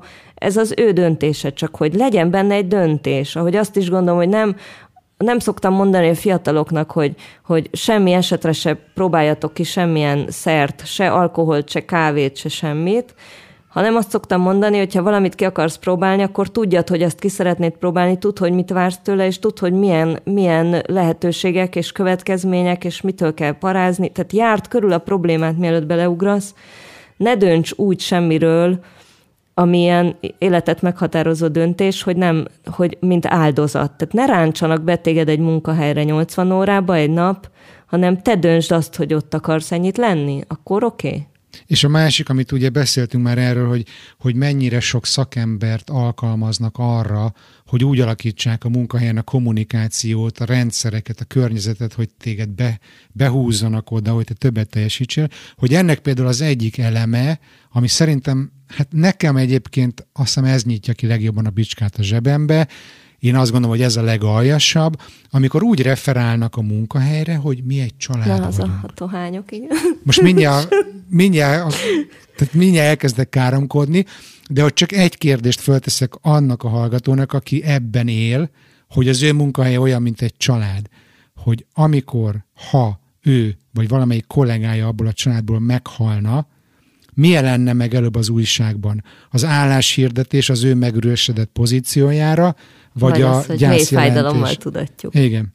Melyik jelenne meg hamarabb? Ez az egyik, bocs, és még valamit ehhez, hogy család legyél, amikor neked kell, hogy, hogy te adjál. De amikor te vagy szarul, amikor neked van szükséged segítségre, amikor nem vagy jól, nem tudsz úgy teljesíteni, akkor is család vagy? Akkor megsimogatja a nagymama a fejedet, és főz neked egy, egy tyúkhús levest? Vagy mi lesz akkor a munkahelyi családodban? Tehát, hogy ezeket a kérdéseket azért tegyük föl magunknak. Érdemes körüljárni. Igen. De, de ez nekem mindig, amikor ezt szokták mondani, hogy mi egy család vagyunk, akkor nekem mindig az szokta megnyomni a gombomat, hogy, hogy úristen, ennyire szarállapotban van a család, mint fogalom. Aha. És hogy, hogy engem ez nagyon elkeserít, ami ott a munkahely. Mert, mert az, hogy az iskola a második otthonunk, én azt se nagyon szerettem amikor mondták, de azt viszonylag hamar földolgoztam, hogy itt arról van szó, hogy annyi időt töltünk ott, hogy az gyakran vetekszik azzal az óraszámmal, amit ébren otthon töltünk, és ilyen szempontból valóban nem baj, ha kényelmes, de hogy, de hogy, hogy a család fogalmát megpróbáljuk a munkahelyjel kapcsolatba értelmezni, az, az szerintem egy nagyon rossz, rossz vonal. És azt is látom egyébként a fiatal, most már van, van egy csomó olyan fiatal, aki körülöttem volt gyerek, és most ebbe a 30-as bűvösbe belelép, és már van olyan magasan, hogy már, már esetleg autót is kap a melóból, nem csak egy számítógépet, meg egy marha jó telefont, amit mindenfél évben akár lecserélnek neki, meg a, nem tudom, és akkor amikor arra lettem figyelmes, hogy ezek a fejek most már jogázni is a munkahelyükön jogáznak, meg kajálni is ott kajálnak, meg tehát most már, most már mindent ott csinálnak, hogy igazából miért nincsen olyan foglalkozás, amikor megfelelő párodat kiválaszthatod, és elvonulhatsz vele valahova, mert most már csak ezért jársz haza, hogy, hát az, az hogy ezt, me, ezt még meg lehetne oldani, nem? De arra vannak a csapatépítések. Igen, tudom. Tehát, hogy ez már majdnem benne van. Főnököt megtekintheted hullarészegen a sonadrágba. Igen. Nem tudom, minden esetre azt gondolom, hogy, hogy valahol kellene érezni a, azt a pillanatot, amikor megpróbálnak téged átverni, és, és ahogy a boltba is az ember fejbe azért kb. összeszámolja, hogy mi van a kosarába, vagy legalábbis én ott is összeszámolom, hogy mi van a kosaramba kb., hogy érdemes érdemes egy kicsit kritikusan szemlélni, hogy mit várnak tőled a munkahelyen, mert azt baromi kritikusan szokták például pasik szemlélni, hogy mit várnak tőlük otthon. És hogy, hogy ugyanezen a szemvegen keresztül lehet nézni, hogy, hogy oda bent mit kell teljesíteni, mm. és és az otthonhoz meg nyilván az egy nagyon tipikus kép, megint csak, ha már a tipikus képeket elkezdtük, hogy amikor megkérdezem, hogy jó, és akkor, akkor hogy néz ki nálatok ez a úgynevezett családi élet? Mutasd be azt, hogy te neked milyen a családod, hogy épül föl egy napod. És akkor úgy épül föl egy nap, hogy reggel ugye az egyikük, aki a pénzt keresi, elrobog, a másik otthon marad azokkal a feladatokkal, amiket mielőtt gyereke lett nem szokott csinálni. Tehát annak idején ugye úgy nőtt föl a, a, a gyerek, hogy részt vett a takarításba, a mosogatásba. Voltak ilyen feladataink gyerekként, amiket nagyon utáltam, de, de megvoltak. Nálunk soha nem volt a gyerekeknek semmilyen feladatuk, se egymásra nem kellett vigyázniuk, se szemetet nem kellett levinni, se a nem tudom megcsinálják, ha kérem, és mindig azt gondolom, hogy majd ezt annyit fogják csinálni még az életbe, amikor a saját családjukban fogják csinálni, ezt nem kell nekik előre begyakorolni, mert ezt majd ott tök jó begyakorolják. De hogy ott marad az ember, mondjuk a nő ott marad egy gyerekkel, otthon, ahol most akkor neki saját magára legalább meg kéne főznie, de nem lenne baj, ha lenne estére is valami kaja. Na most ugye ő délben fog meleget enni, a csávó, aki hazajön este fog meleget enni valószínűleg, vagy jól esik neki egy normális melegétel, ami nem a... Tehát van ez a feladvány, amihez nyilván be kell szerezni a hozzávalókat, amihez el kell menni otthonról. Na most ez már önmagában egy, egy elég összetett feladat, de akkor ugye otthon a kis családi fészket rendbe kéne szedni, hogy ne, amit tegnap ledobtunk, mert amikor még ketten laktunk és ledobtuk a ruhákat, elég volt hétvégén összeszedni, de azért most már ez nem így van és akkor vannak ezek a feladatok, amiket lehet, hogy addig a takarítónő csinál, de mondjuk amikor már gyereked van, rájössz, hogy a takarítónő hiába jön egy héten egyszer, kétszer, háromszor vagy négyszer, mert ez pont negyed óráig látszik a lakáson, és onnantól kezdve, amikor már előkerült a dupló, a legó, a baba, a kiskonyha, a izé, a nem tudom, akkor már nem látszik, hiába volt. Tehát lehet, hogy tisztaság van, de rend nincs, és már pedig, amikor belépsz egy lakásba, és azt látod, hogy rendetlenség van, akkor, akkor te se tudsz hirtelen úgy fókuszálni, hogy mi... Tehát, hogy vagy van egy csomó olyan feladat, amivel addig nem szembesültél, és van hozzá egy olyan tekintheted beosztottnak, vagy főnöknek, vagy partnernek, tök mindegy a gyereket ilyen szempontból, de az egy ilyen ősember, egy vadember, aki, aki nem fél a következmények, tehát a kedvencem a játszótéri pillanat, amit biztos mindenki ismer. Kisfiam, háromig számolok! És mindig annyira szoktam várni, mert mindig mondják, hogy egy, és úgy szoktam várni, hogy a három után mi fog történni, és ilyenkor mindig ott állok a játszótéren, és figyelek, most már egy ideje nem járok játszótérre gyerekeim révén, úgyhogy már lemaradtam, nem tudom, mi jön a három után még mindig, de hogy ezek a kis vademberek, akikkel neked, neked ezeket a feladatokat mind mellettük végre kell hajtanod, ezek, ezek egyáltalán nem mozognak abba a hierarchikus struktúrába, amit addig te megismertél a munkahelyeden. Tehát hiába piri tanár rá, hogy izé, hát pont lesz arra, hogy nem kap egy kockát. Levonok a fizetésedből, szóval fegyelmit kapsz, Igen. érted? Viszont olyan hangon üvölt, amit semmelyik főnököd nem engedett volna meg magával, ha nem tudod elég gyorsan csinálni a dolgokat. Na most megpróbáltam összeszedni magamnak például, hogy hogy melyik azok a válságos időszakok, amiben jelentkezni szoktak a szülők, és akkor azt álltam, hogy gyakorlatilag minden hónapra le lehetne osztani nullától három hónapos korig általában fizikai szükségletek nehézségeivel szoktak jönni. A gyerek fizikai szükségletei körül valami nincs rendben, vagy az ő saját fizikai szükségletei nem tudnak kielégülni, mint evés, alvás, ürítés, izé. Tudom, hogyha 6 és 12 hónap között van a gyereke, akkor valószínű, hogy abból adódó nehézsége van, hogy a gyerek már helyzet és helyváltoztatásra képes. Tehát meg kell oldani azt, hogy lerakta valahova a gyereket, az nem marad ott, elmászik, odajön, izé, tehát már nem lehet őt úgy akadályozni a mozgásba, hogy betetted a kiságyba, és akkor ott is marad. Tehát járni tanul, az, az megint egy új időszak, amíg, amikor rengeteg, tehát a, a fizikai nehézségek, azok okoznak nekünk mentális nehézséget is. Tehát a fizikai leterheltségtől a, a mentális leterheltségünk is változik. Az például nekem egy tök érdekes tapasztalat volt. És hogy... ezt nem csak családon belül, hanem gyerek nélküli munkavégzőknek is ugye, hogyha nem alszol, akkor szarul vagy. Igen. Szóval, hogy ezek tök érdekesek, hogy, hogyha egy-egy életkorhoz kell kapcsolnom, hogy valószínű, hol lehet háttérbe probléma, akkor, akkor gyakorlatilag nincs olyan életkor, tehát eljutottam könnyedén, hogy és akkor a 18 éves gyerekkel olyan problémák szoktak lenni, hogy a 20 évese, hogy a 30, a 40, az már magától jön. De hogy, és akkor kezdődik előről az egész spirál hogy, hogy gyakorlatilag nincs olyan időszak, amikor nem merül föl probléma, és ami még, még egy nagyon gyakori ö, visszatérő jelenség, és állati jól szoktam rajta szórakozni, mert teljesen jól emlékszem a saját kisgyerekes szülői életünkből, hogy mire megtanulsz valamit a gyerek mellett, hogy az hogy, hogy tud a legjobb lenni, mondjuk amikor sikerül a négy gyereket így elaltatni, akkor, akkor mikor öt hónapos, akkor ezek már mind nem működnek, hogy nincs olyan munkakör szerintem, amiben ennyire baromi gyorsan változó igényhez és helyzethez kell tudni alkalmazkodni, és csinálhatsz úgy, hogy leszarod, de akkor biztos, hogy a, nem vezet eredményre a dolog. És te, mint rutinos négy gyerekes családanya, hogyha meg is tanultad ezeket a változó, akár havonta változó dolgokat egy az gyerekkel, a következő gyereknél nem akkor működik. új lap, új nem, lapot az, nyitunk. Az egyáltalán működik.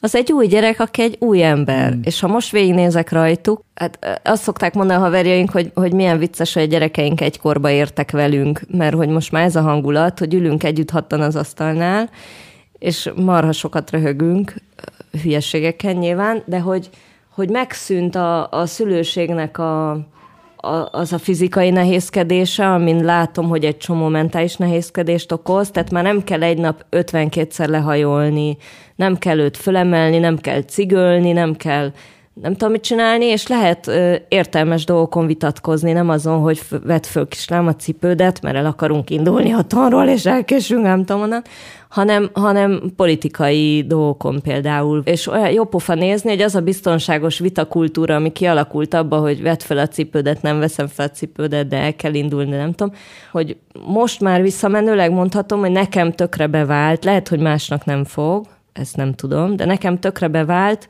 hogy amikor konfliktusba kerülök, akkor, akkor ha meghatározom azt, hogy most mi a bajom igazából, akkor sokkal hamarabb megoldódik a konfliktus a gyerekkel vagy a párommal, mintha mintha igazából az a bajom, hogy már megint nem csukta be a fokrémet, de azt mondom, hogy az a baj, hogy nem mosta ki a mosdót. Hogy egy, egy kisgyerek mellett tökre meg lehet tanulni azt, hogy egy konfliktusba hogyan fogd meg, hogy mivel van igazából a problémát, hogy mi az, amit meg kell oldanod. Ág, itt, itt önismeretről beszélgetünk, nem? Most nem tudom, hogy ez jó példája. Hogy tök fontos, hogy te mennyire vagy asszertív, az ugye az önismeretnek az egyik skillje, hogy te, te neked azért hasznos, ha önismeretben jártas vagy, mert akkor meg tudod fogalmazni az érzéseidet és az igényeidet, tudsz asszertíven viselkedni, és ha ezt a hármat tudod, akkor igazából nyert ügyed van.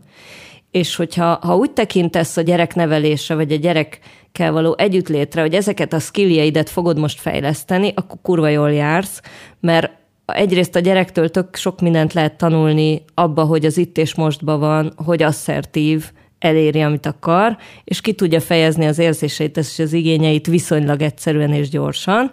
Hát ha megpróbálsz ráhangolódni, és az ő potmétereivel dolgozol, akkor meg fogod látni, hogy, hogy állati sokat változol te.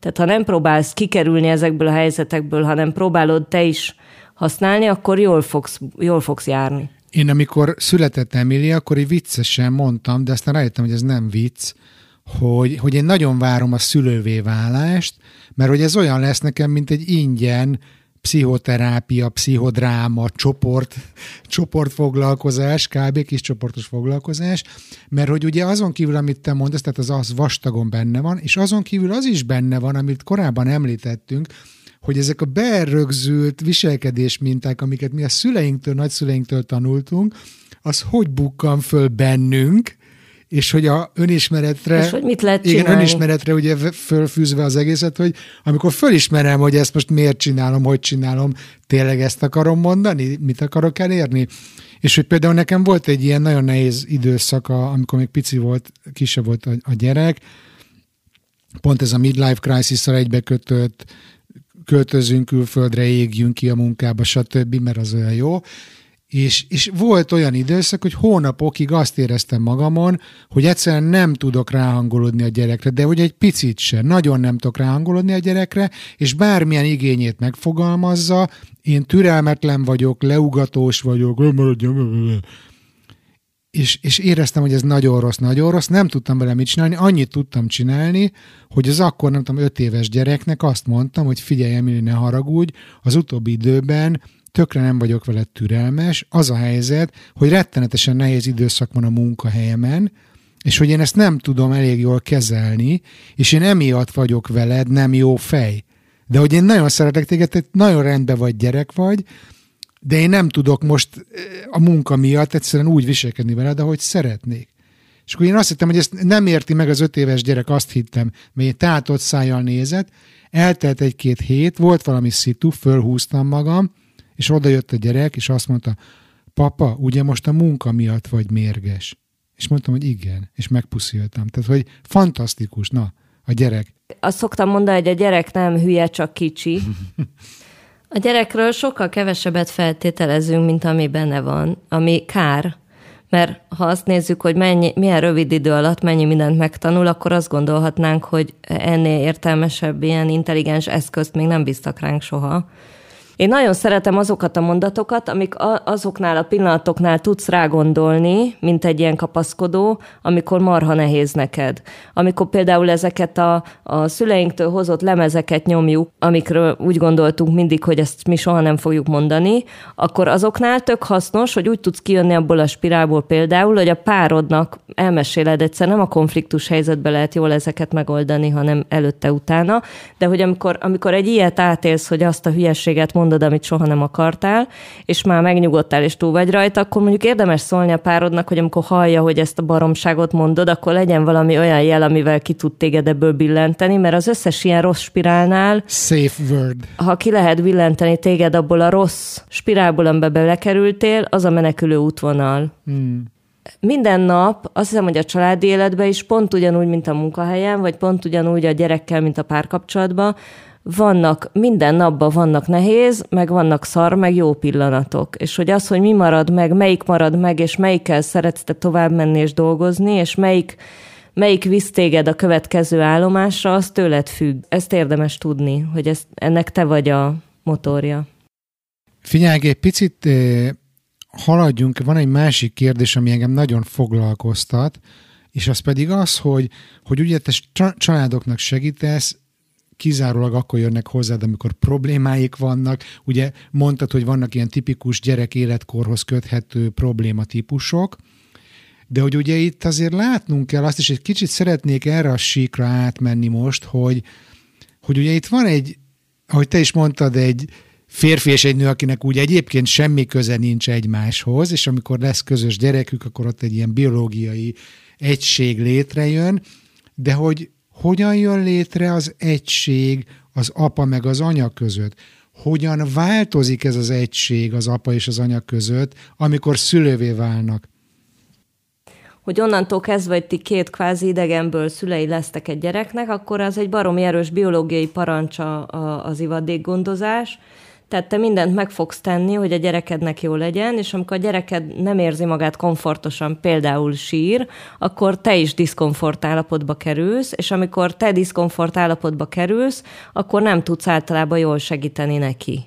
És ilyenkor például tök praktikus, hogyha át lehet adni a másiknak ezt a, ezt a dolgot hogy, hogy amikor nem tudsz a síró gyerekeddel mit kezdeni, akkor ezt az omnipotens, én egyedül mindent meg tudok oldani állapotodat, föl tudod oldani azzal, hogy másiknak a kezébe tudod nyomni a, a, a gyereket, az, az például lehet tök jó. És akkor ő is tud próbálkozni, hogy hát ha neki sikerül hogy a gyerek a diszkomfort helyzetbe egy komfortosba kerüljön, hogy azt tudni, hogy onnantól kezdve, hogy ti ketten egy gyereknek a szülei vagytok, ti egy csapatjátékká alakultok át. Azt is lehet gondolni, biztos mindenki emlékszik a játék Határok nélkül című vetélkedőre, amiben lehetetlen helyzeteket kell megoldani, és ezeket csak úgy tudod megoldani, hogyha együttműködsz. És hogy, hogy, hogy ezt az együttműködést a, a párkapcsolatban nem mindig kell szem előtt tartani, mert ott lehet egy ilyen egóharcba lenni végig, hogy melyik a, melyik az, melyikünk az erősebb, melyikünk elképzelése teljesül, de abban a pillanatban, amikor van egy gyereketek, akkor érdemes ezt, ezt átalakítani egy olyan csapatjátékká, amiben, amiben az együttműködésről van határozottan szó, és az, hogy kinek van igaza, az a kevésbé lényeges pont. Engem az, az izgat ebben a sztoriban, hogy hogy mi történik velünk, amikor szülővé válunk. Mert én, én, én például azt tapasztaltam, hogy, hogy amikor egy, a lányunk megszületett, akkor nem csak ő született, hanem a feleségem, akit addig ismertem, is gyarapodott, tehát hogy egy anya is született. Meg egy apa jó esetben. Hát reméljük, de hogy, de hogy itt, itt akkor hirtelen egyre többen vagyunk. Az hagyján, mert a nagyszülők is megszületnek, mint nagyszülők, és ebből egy csomó, tehát ez például családon belüli konfliktus helyzetnek a klasszik példája, amikor hazamentek a kórházból, és akkor átjön anyukád, vagy a másiknak az anyukája, hogy megfürdesse a gyereket, mert ti ahhoz még úgyse értetek. Ami egyrésztről tök kedves, meg minden, de pont amikor nem vagy még magabiztos ö, a, a szerepedbe, amibe vagy, akkor, akkor ezt a bénázás részt, ezt nem akarod, hogy más ottan jelen legyen, mert pont elég együtt bénázni. És hogy, hogy, hogy ez, ez egy tipikusan olyan ö, szitu, amiből, amiből eleve gyönyörű konfliktusokat lehet indítani hosszú távra. Anyád már megint anyád nem érti. Szerintem a te anyád. Igen, és akkor ez például egy ilyen klasszikus, hát ilyen rügy, ami aztán virágba tud bomolni, és akkor itt jól látszik, hogy az, hogy ti ketten meg tudjátok-e fürdetni a gyereketeket, aki, akit meg tudtatok csinálni, igazából akkor valószínű, hogy meg fogjátok tudni fürdetni. Lehet, hogy nem lesz tökéletes a mozdulatsor, valaki más szerint, de nem az a lényeg, hogy tökéletes legyen a mozdulatsor, hanem az, hogy te elfogad, hogy te most tanulsz valamit éppen, amit még nem tudsz. Ezt állati nehezen szoktuk elfogadni, hogy, hogy vannak dolgok, amiben nem az életkorunk vagy az iskolai végzettségünk okán vagyunk ügyesek vagy bénák, hanem, hanem hogy hanyatszorra csináljuk. Tehát akkor amit mondasz, hogy, hogy, hogy ami nagyon fontos, hogy ugye itt új szerepek születnek a gyerekkel, az egész családban, és hogy az együttműködés a párkapcsolaton belül, ami szerinted kulcs, meg az, hogy elismerjük, hogy mi nekünk tanulnunk Hát kell. ezek mind, igen.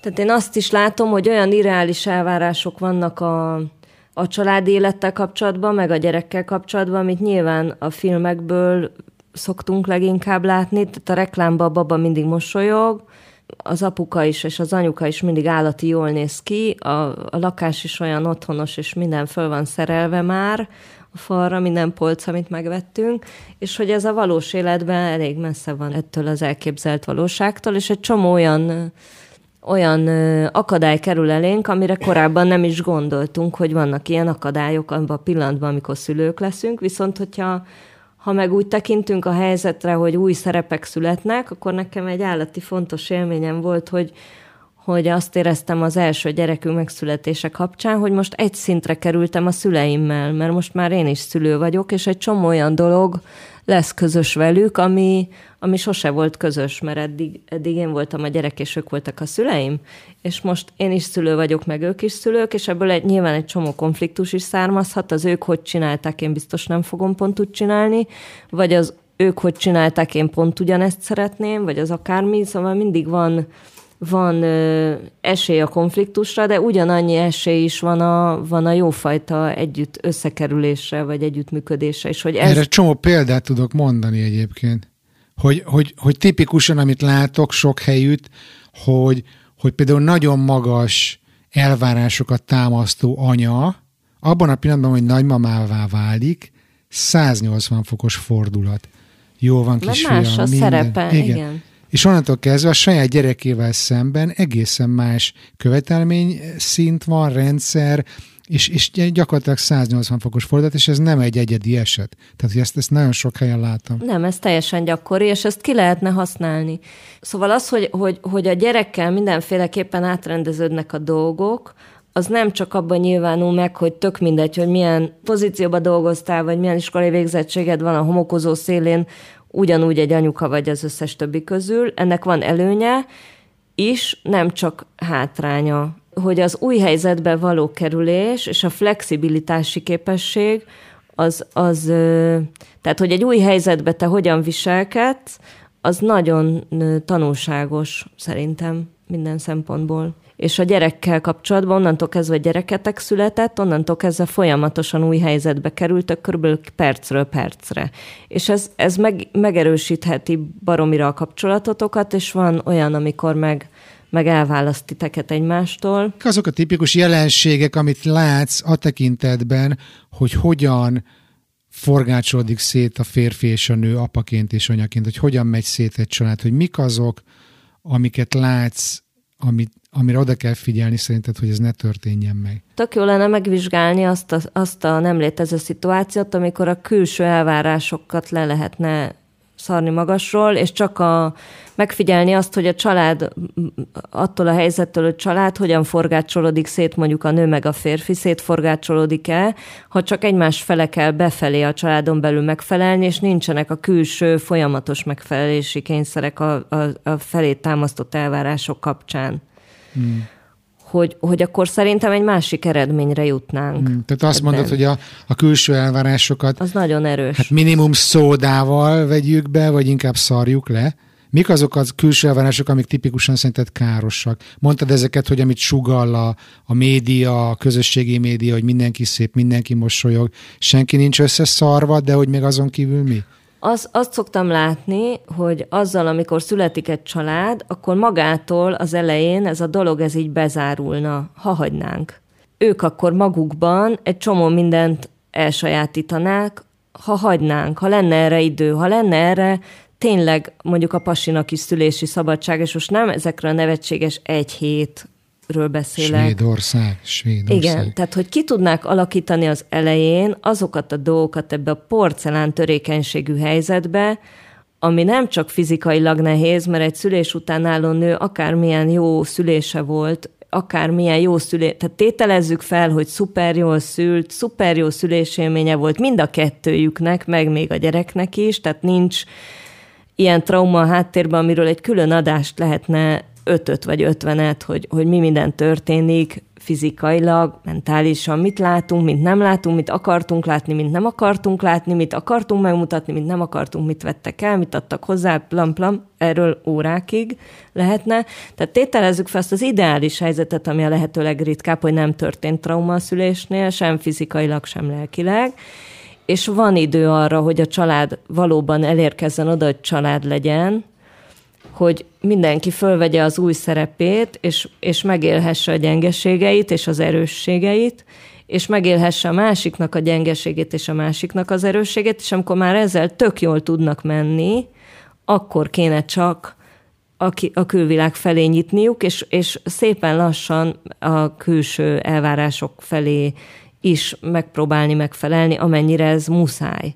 De ez olyan, mintha azt várnánk el egy, egy embertől, aki nem látott még életébe biciklit, hogy pattanjon föl rá, és menjen el a Tour de France-ra. Az a helyzet, amiben manapság normális esetben kerül egy szülő egy gyerekkel. Közben rá fogsz jönni nyilván, hogy mitől esel pofára, és hogy fogsz beérni a célba, de, de nyilván nem egyszerű. Figyelj, Ági, most amiről beszélsz, az részben általános, részben Magyarország specifikus szerintem. Most én itt ugye Stockholmból nézve, azért nem látom annyira drámainak, hogy egyből Tour de France-ra kell menni, lehet, hogy csak lehet, hogy csak 500 kilométert kell nagyon gyorsan biciklizni, de hogy mi az a, a, a magyar rendszerről beszélgetünk most, mi az a magyar rendszernek és most itt értem a védőnő, a, a házi orvos, tehát én emlékszem, amikor kijött a gyerekorvos, volt vagy három napos a gyerek, vagy kettő, olyan hangnembe, olyan kioktató stílusba beszélt hozzánk, meg a feleségem ez a saját lakásomba, hogy majdnem kipenderítettem a lakásba. És miért nem Hogy ezt mégis hogy képzeli? Mert be voltam szerényedve első gyereknek a apukája, érted? De hogy, hogy mi az a, az a problémás rész, amit szerinted mindenképpen változtatni kéne így a, a külvilág és az elvárások eh, vonalon? Baromi sok elképzelésünk van arra vonatkozólag, hogy majd hogy fogunk szülni, meg hol, meg hogy mikor fogunk visszamenni dolgozni. Ilyenekről beszélgetünk, mielőtt egyáltalán gyerekünk születne, amit még nem történt velünk, mondjuk tétezzük fel az első gyereknél, és már egy olyan rendszert építettünk fel, hogy mi hogy lesz, amiből csak az az egyszerű mutató hiányzik, hogy a gyerek nincsen bekalkulálva, hogy az nem egy ilyen tárgy, amit így leraksz valahol, és akkor így ott van, és mint egy tamagocsi, hogy amikor izé, akkor helyzet van, akkor akkor egy kicsit megbizgeted, aztán hagyod tovább, hanem az ott egy másik személy. Tehát valahogy, valahogy ezt mintha, mintha egy ilyen elzárt búrába történne ez az egész gyerekvállalás, tehát nem látunk rá erre a folyamatra előtte kívülről. Tehát ahogy fölnövünk, mint nők vagy lányok, nővé válunk, nem látunk másokat, akik gyerekekkel vannak, mert akik gyerekekkel vannak, azok valami zárt helyen ott így el vannak valahogy.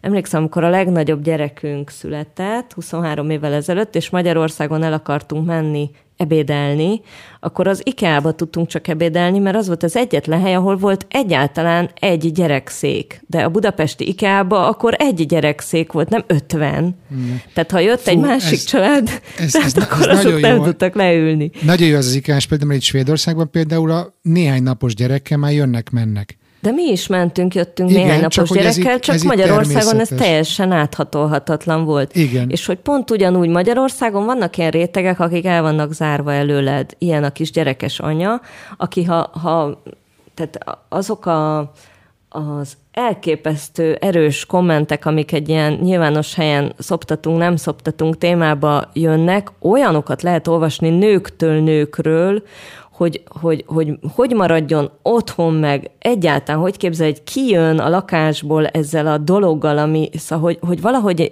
érzek egy kis, most már jobb a helyzet, tehát most már vannak olyan járdák, amiken el lehet menni babakocsival, például Budapesten, de azért ez viszonylag új. Nem sok. És, és engem mondjuk... Nem sok, hetedik Engem nagyon hamar rá állított ez a közlekedési nehézség arra, hogy hordozzam a gyerekemet, mert rájöttem, hogy babakocsival egyáltalán semmit nem lehet. Tehát amit én egész gyerekkoromban gyakoroltam, hogy mentem a zuglóba a babakocsival, meg Óbudánt, oda, ahol így voltak járdák, meg játszóterek, meg ilyen széles terek, úgy nőttem föl. Az mire fölnőttem, és ez történt, hogy gyerekem lett, addigra mindenhol autók álltak ezeken a helyeken, ahol régen el lehetett férni. Hát bocs, Tehát bocs csak hogy hamar... a város nincs kialakítva babakocsira, és ugyanígy emiatt a kerekes Se. székesek is otthon kell, hogy maradjanak. Minek lift a metróba, ugye? Igen. Következő réteg, aki otthon marad, és nem látod, az, az a bármilyen fogyatékkal rendelkező ember. Tehát fogyatékos, láthatóan fogyatékos gyerekkel pláne nem megy utcára a magyar ember amitől a magyar társadalomban az az elképzelés alakul ki, hogy azt valahol így megígérik neked,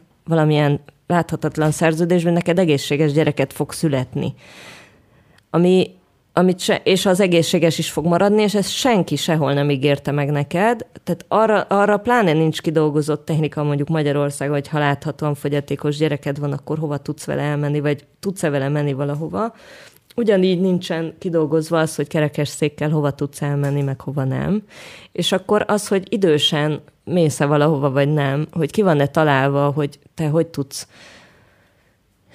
mondjuk már lerobbant a bálapotodba. Tehát valami olyasmit sugal a magyar társadalom számomra, hogy amíg termelsz, és jól nézel ki, addig kimehetsz az utcára, és abban a pillanatban, amikor nem termelsz, süllyedj el szégyenedbe, illetve amikor nem jól nézel ki, vagy valaki, akit vel vagy, az nem jól néz ki, akkor semmiképp ne kerülj elő.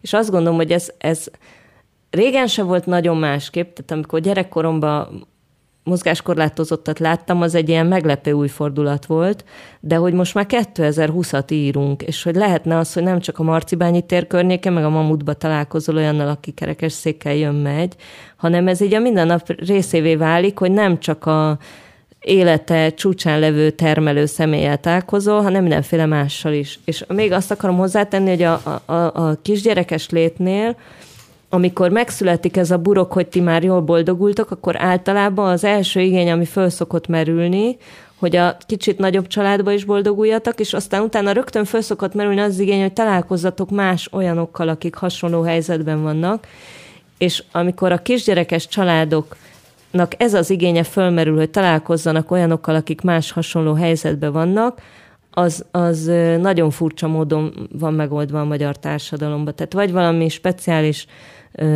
pedagógiai irányzatot választasz, mondjuk, mint a Waldorf, ahol már eleve így készen van ez a közösségi burok, vagy vagy vallási közösséghez csatlakozol, vagy, vagy abban leszel aktív, vagy tehát van ez az igény, hogy szeretnél olyanokkal találkozni, mint te vagy, és valahogy nincsen rá egy válasz. Tehát önsegítő anyacsoportról lehetett olvasni, szerintem először a, a Kálmán Zsófi Kanadában Zöldebb a fű című könyvében a világjárok sorozatban jelent meg 80 akárhányba, tehát ezt kis kamaszként olvastam, és, és ott arról van szó, hogy anyukák összeállnak és egymásnak segítenek.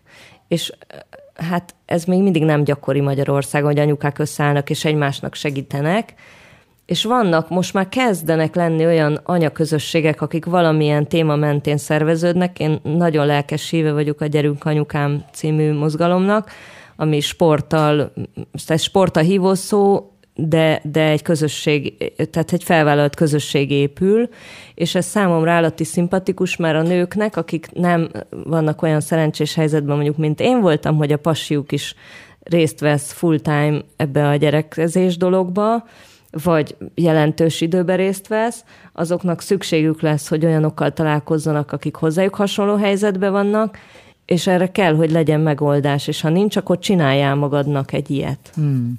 Nagyon Ezt hasznos, amiket mondasz, Ági. Most ezzel át is terelném a szót az utolsó témánkra, hogy talán én azt gondolom, hogy megértettem nagy részt annak az okát, Látok egy jelenséget Magyarországon, ismerősök között is, hogy nagyon sokan, amikor anyává válnak otthon Magyarországon, akkor valami megváltozik annyira az életükben, hogy már ők képtelenek visszatérni a korábbi karrierjükhöz, vagy a korábbi életvitelükhöz, és valahogy ez az anyasság olyan szinten válik központi kérdési az életükben, hogy ők már a munkájuk terén is anyáknak szeretnének segíteni, vagy ezzel az anyassággal, szülővé válással szeretnének foglalkozni. Nagyon sok ilyen ismerősöm is van.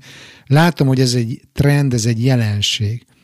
Hogy nem tudom, te ezt hogyan látod, az, az úgy, hogy te ugye ebbe dolgozol. Jól látod a jelenséget, azt gondolom. Azt is gondolom, hogy ez egy normális jelenség, hogy amikor gyereked lesz, akkor az felülír egy csomó minden más addig érdeklődési körödet, és, és miután ez egy nagyon széles és színes terület, hogy gyereked van, és mindenféle irányba elvisz téged, ezért, ezért furcsa is lenne, hogyha megmaradnál ugyanabban, ami előtte voltál, hiszen, hiszen nem leszel soha többet ugyanolyan, jó értelemben mondom ezt most, mint előtte voltál. Tehát ha, ha kiindulunk abból, hogy mindig az életkorodnak megfelelő helyen vegyél részt a munkába vagy a társadalomba, akkor ez egy, ez egy elég jelentős életváltás, hogy gyereked lesz. Tehát indokoltnak tűnik innen kívülről, hogy te egy másik fajta munkába, egy másik fajta időbeosztásba fogsz tudni onnantól kezdve élni. Ugye a, a magyar munkaerőpiacon mondjuk a négy órás állás, az, ha nem egy magánpraxisba foglalkozó valamivel, akkor gyakorlatilag nem létezik. Vagy annyira alulfizetett, hogy nem nincs bele, aki menjen dolgozni, de mondjuk egy gyerek mellett, ha nagyon jó szándékon akarok a gyerek szempontjából jó szándékon akarok gondolkodni, akkor neked négy, mint anyuka, négy óránál hosszabb állásod nem nagyon fog tudni lenni, ha csak nem akarod, hogy a gyerekedet mindenféle külön órákon mások nevelgessék helyetted. Tehát ha csak nem azért fogod külön órára járatni, hogy te addig még dolgozhassál. Hmm. Ami szintén egy elég gyakori jelenség. Tehát az anya életébe, igen, megváltozik, átalakul a, a, a munkaerőpiaci jelenléte neki, és nagyon sokan, erről szó volt már korábban közöttünk belül beszélgetésben, hogy nagyon sokan elmennek a civil szféra irányába. A civil szervezetek, úgy mondod. Civil szervezetbe mennek dolgozni. Bocs, csak hogy itt, itt hagy, hagy, hagy szögezem le, vagy emeljem ki, hogy hogy ugye mivel már beszéltünk erről több ízben, hogy az állami rendszer még a mai napig mennyire merev, hogy rengeteg feladat a civil szférára hárul, még a gyerek gyerek témában is? Általában a gyerek témában a, legégetőbb ez a látvány, hogy ez sincs megoldva, meg ez sincs kitalálva, meg az sincs kitalálva, meg az sincs kitalálva. Ezzel én is akkor szembesültem személy szerint, amikor gyerekem lett, hogy, hogy annyi minden nem volt kitalálva, és akkor én att, attól flasheltem, hogy ilyen instant megoldásokat találtam ki különböző problémáinkra, amik, amikkel, amikkel, amikről az derült ki, hogy ezek teljesen jó modellek, és átültethetőek mások számára is. És akkor, akkor ezeket egy darabig így gyűjtögettem, hogy na hát, fölmerült ez a probléma, és akkor erre, mert, mert olyan gyorsan merültek föl kérdések, vagy konkrét megoldandó dolgok, hogy nem volt idő, hogy egy civil szervezet erre alapuljon, de van egy jellegzetes ilyen a, a gyerekek körül mondjuk tényleg nagyon gyakori, hogy a, erről már az előbb mondtam, hogy, hogy az egyáltalán nincsen benne a pakliba, hogy neked mondjuk sérült gyereket születik, és akkor ez, ez, ez egy elég jelentős indikátor azoknak az anyukáknak, akiknek sérült gyerekük születik, amikor kilátnak az első hullámból, és szeretnének információhoz jutni, azt általában nem a hivatalos helyről tudnak információhoz jutni, hanem, hanem megkeresik azokat a szülőket, akik hasonló problémával küzdenek, és amikor ilyen hasonló problémájú emberek összegyűlnek, akkor általában civil szervezetet szoktak alapítani, és általában ebben nagy, nagy számba vesznek részt nők, és most arra nem akarok kitérni, hogy mondjuk egy sérült gyerek kapcsán mekkorára emelkedik a vállások aránya Magyarországon, de, de brutál. Tehát nagyon sokszor marad egyedül a szülő, az asszony mondjuk, de ez tényleg egy, egy, egy mellékszál, de elég érdekes, hogy ezekbe a civil szervezetekbe aztán viszont, ahol általában nők dolgoznak, kialakulnak azok a fajta női vezetők, akik mellett elég ügyesen el lehet érni a versenyszférából jól ismert kiégés állapotát egy teljesen jó jó célér alakult civil szervezetbe, pillanatok alatt ott találhatod magadat, hogy dolgozol, mint az állat, lehetőleg ingyen. Igen, semmi pénz. És teljesen kiégve találod magadat mondjuk egy ilyen két éves kemény befektetett meló mellett, hogy, hogy ez, ez nagyon szeretném ezt a vészcsengőt minden nőnél megnyomni, aki anyuka lesz, és valamiféle ilyen karrierváltásba kezd, hogy attól, hogy ő karrierváltásban van, a kiégés veszélye nem hárult el a feje fölül. Tehát civil szervezetbe is gyönyörűen ki lehet égni, ráadásul valószínűleg ingyen. Hmm. Ez nagyon érdekes ez a téma, és ugye ennél jobban szinte semmi nem kapcsolódik a halottnak az adás halottnak a coach tematikájához, és azért akartam még a végére behozni ezt a témát, mert ugye mi előzetesen erről már beszéltünk, hogy hogy amit itt mondasz, ugye az azért fontos, mert nagyon sok kliensem, aki még ben van a versenyszférában, de már kiégett, de már kiábrándult, nagyon sokan azt hiszik, hogy ha ők majd egy olyan helyre tudnak menni dolgozni, ahol értelmes célokért tesznek nap mint nap, akkor ez majd egy varázsütésre eltűnik ez a fajta kiégés, vagy kimerültség. De hogy neked ugye tapasztalatod mondja azt, hogy ez nem így van.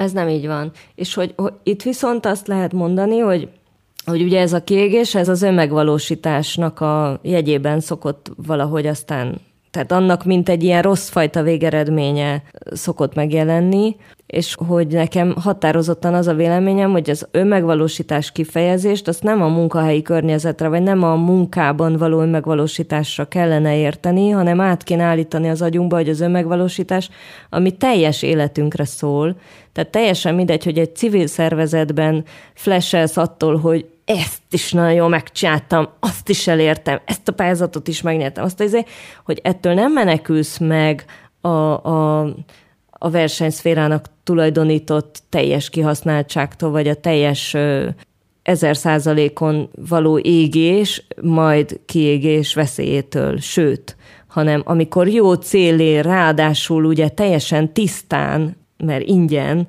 csinálod, akkor tudod magadból a lehető legszörnyebb végeredménnyel kecsegtető teljesítményt kipréselni, mert még az sincs, hogy, hogy elkurvulva érzed magad, hogy most még 300 ezeret rádobtak a fizetésemre, akkor már igazán benne maradhatok ebbe. Van néhány olyan szervezet, amiben így sikerült belelátnom, ahol a nők addig hergelték és hetszelték egymást meg magukat, amíg végül teljesen tönkretették azt a családot és gyereket, aminek a jegyében kezdték ezt a nagyon tiszta, mert pénz nélkül zajló munkát. És hogy, hogy azt a helyzetet kéne felismerni szerintem, hogy amikor azt érzed, hogy neked olyan visszajelzésre van szükséged, hogy te marha jól csinálod a dolgodat, és hogy tudjál attól flashelni, ami motivál téged, hogy holnap is fölkeljél, hogy ezt nem feltétlenül a munkahelyen, vagy munkahelyi helyzetben kell megkapnod ezt a flash hanem hogy ezt be lehet gyűjteni a családból, és meg lehet tanítani rá a családot, hogy, hogy ezeket a kis visszajelzéseket, amiket a munkavilágában, a munkapszichológiával foglalkozó szakemberek hosszú évek alatt hozták össze, hogy mit kell, vagy hogy kell motiválni a munkaerőt, hogy ezeket a dolgokat, ezeket otthon a saját környezetünkben tudjuk saját magunk a családunk felé tolni, és fogjuk tőlük kapni vissza, és amit gyűjtögetek már egy ideje, Héber kifejezéseket, amik magyarban nem léteznek, amik arra a fajta elismerésre vonatkoznak, hogy frankó, amit csinálsz, nagyon fasza vagy. Ezek a fajta kifejezések, amik, amik itt, itt a mit tudom, minden pillanatban azt mondják, hogy tehát gyerek megtanul fölállni, majd leülni önálló saját akaratából, Jofi. akkor sokszor elhangzik a Jofi mellett, hogy szép, amellett, hogy kolaka vod, minden tiszteletem. Hogy ezzel a kolaka voddal itt úgy dobálóznak, hogy már föl se veszed, de nekem minden egyes alkalommal, amikor ez elhangzik, akkor az az állati megnyugtató érzésem, hogy erre van egy kifejezés, hogy minden ismerésem le a kalappal, ezeket nem használjuk, csak olyan hatalmas teljesítmények ö, megtételekor, amire, amire ennél sokkal nagyobb szavak és díjak lennének, lennének ö, logikus következmények. És még egy szegényesebb ilyen jellegű szókincsel is lehet azt mondani például a párunknak, hogy köszönöm, hogy főztél. Köszönöm, hogy teregettél. Bizony. Meg, hogy köszönöm, vagy. hogy igen, tehát bármi alaptevékenységet köszönök például. Például, meg azt visszajelezni, hogy ez neked fontos és jól esik. Én most viszonylag uh, sokszor kerülök olyan helyzetbe, hogy fáradtan hazajövök, tehát fizikailag mondjuk fáradtan hazajövök, és akkor, akkor leülök a konyhába, és itt körülöttem sertepertél a család, tehát elém kerül a tányér, vágják a kenyeret, a másik mossa a paradicsomot, és itt, itt, itt sertepertélnek körülöttem, és mindig azt érzem, mint a Hippolita lakályba, hogy amikor megérkezett a házigazda, és és akkor ott beindul az egész cselédség, így megindul, meg a asszony, meg a lány, meg a mindenki így előkerül, hogy, hogy erre a régi filmekben, meg a régi színdarabokban van egy ilyen, egy ilyen esemény, hogy hazajött a, hazajött a férfi a melóból, és hogy most már nők is hazamennek a melóból, és nincs, tehát hogy, hogy, hogy az a fajta tisztelet és, és odaadás, és nem tudom, ami a dolgozó felé irányult ezekbe a családokba, hogy ennek a morzsája is elég lenne, tehát ez, ez nem valami normális észtől elrugaszkodott dologtól alakult ki, hanem jól esik egyszerűen, ha törődnek veled, és hogy ezekhez nem kell semmilyen teljesítményt szerintem létrehozni, törődjenek veled, hanem ez lehet egy alapigényed, hogy te szereted, ha törődnek veled, és akkor itt visszakanyarodtunk a párkapcsolatba, hogy, hogy amikor egy kapcsolat elején vagy, az valamelyik adásban volt róla szó, hogy akkor valaki párhuzamot vont a, a munkahelyi beilleszkedés igen, elején, meg a...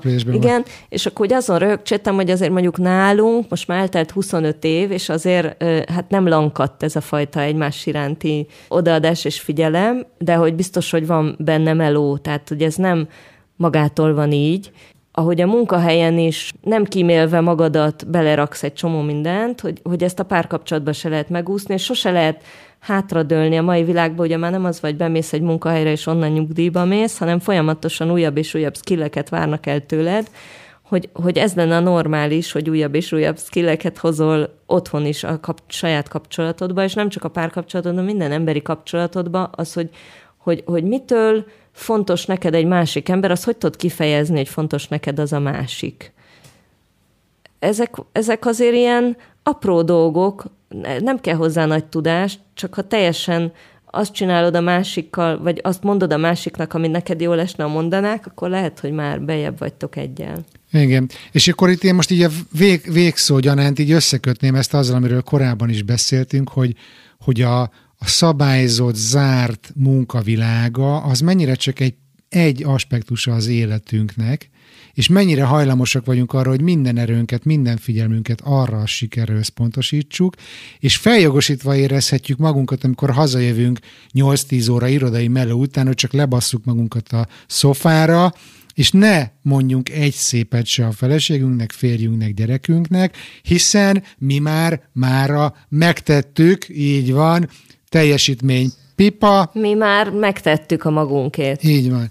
És ez nem így van, mert a, a magunké az akkor kezdődik. Tehát ha, ha arra gondolok, hogy miért is dolgozunk, azon kívül, hogy önmegvalósítsunk, ugye, mert ez a helyes válasz a pénzkeresetek A mai kívül. világban, de azért ezt mi mind a ketten ugye támadjuk, tehát hogy nem csak a munka az önmegvalósítás, Igen, te is na, mondtad, hanem, hanem, én is igen, hanem hangsúlyozom, pont az, hogy, hogy az egész hogy az életed- önmegvalósítás az egész életre szól, nem korlátozódik a munkára, és hogy nem az vagy azért élünk, hogy dolgozzunk, hanem azért dolgozunk, hogy éljünk. És én mindig szoktam azon ö, évente legalább kétszer határozottan gondolkodni, hogy az hogy volt, hogy annak idején a görögök, hogy oldották azt meg, azt értem, hogy rabszolgákkal, de hogy, hogy nagy részt azért ők tudományjal, meg kultúrával tudtak foglalkozni, meg fürdőbe jártak, meg beszélgettek, meg ilyesmi, hogy, hogy az effektív munkát a mai technikai háttér mellett azért már el lehetne végeztetni a gépekkel, és maradna időnk, hogy kultúrával, meg ilyesmi, és én erre nagyon várok, már pici gyerekkorom óta, Én is. nincs. Én is olvastam az Asimovot, meg, meg Ugye? láttam a Star Wars-t, a Star Wars-ban várjuk. valaki dolgozik? Senki, nem Senki. dolgozik, mindenki utazgat a galaxisban, lézerkardozik, és, hogy, meg lövöldözik. és hogy ezt mintha elfelejtettük Igen. volna, és, és, és átmentünk volna valamilyen teljesen debil teljesen. irányba, és, és nem lehet érteni, és akkor néha így próbálok ilyen emberekkel, akik látom, hogy nagyon sokat dolgoznak, így kérdezősködni, de mégis, és, és akkor van ez a segítői kérdés, ez a, ez a mi elől menekülsz, amit annyira utálunk, mindig a, viccesen szoktunk így egymásnak, vagyis mi elől menekülsz, de tényleg, hogy valami helyet csinál ember ilyeneket. Igen.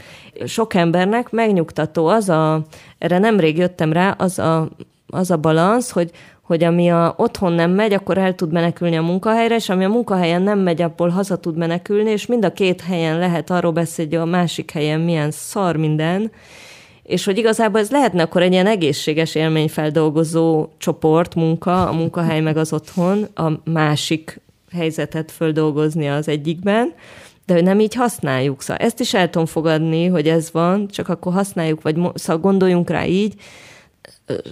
Szokták nekem mondani, hogy jó, de hát mindenki csinálhatja úgy, ahogy gondolja, és én nem ezzel szoktam vitatkozni, hogy nem lehet úgy csinálni, hogy gondolod. Nekem mindenkinek a saját útja elfogadható, hiszen nekem az a feladatom általában, hogy valakit a saját útjába, a saját eszköztárába segítsek, hogy eligazodjon. Nem azt kell nekem elmondanom, hogy szerintem hogy lesz tökéletes, mert az az ő élete, ez meg az enyém. Tehát mindenkinek más működik, másik csavar kulcsa való a csavarjához. De, de hogy az, hogy megfogalmazzuk, hogy hol tartunk, és hogy mit szeretnénk, és hogy tisztán lássuk a helyzeteket, az elengedhetetlen ahhoz, hogy meg lehessen őket oldani.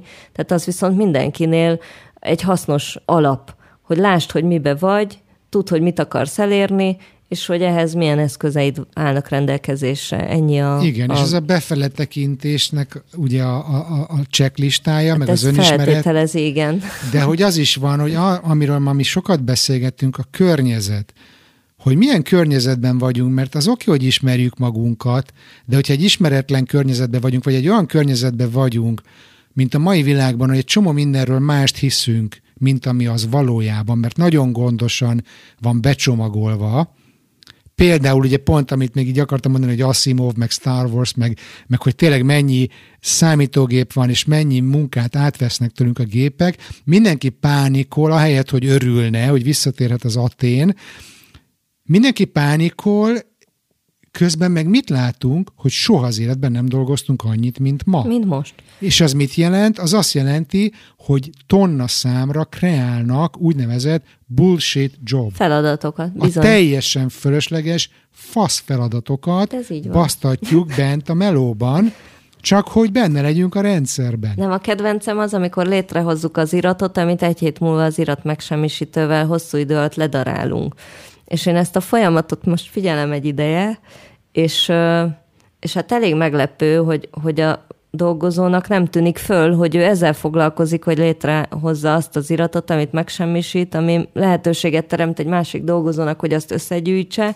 Ennél sokkal értelmesebbnek tűnik, hogy elültetsz hat szem búzát, és akkor utána maradsz és sütsz egy kenyeret. Tehát, Másik hogy meg ez- az, hogy milyen kreatív az ember, hogy a fizikai világban már minden gép elvégzi a munkánkat, mert ott megy a kombány, és beszáll, vagy lebizéli az egész táblát egy nap alatt, akkor találjunk ki egy internetet, mást, egy virtuális világot, és akkor ott azon Ott lehet ültetsz, ott basztatni igen. az adatokat, meg a képeket, meg írjunk képaleírást, meg csináljunk podcastet, és töltsük fel. Tehát, hogy őrület, őrület ez az egész, és hogy kell az önismeret, De ebbe például nagyon segít a gyerekvállalás, amikor, amikor van egy ilyen kis ősember, mert ott, ott az értelmetlen feladatokra nem Igen. Szokott idő maradni jó igen, esetben. Igen, igen.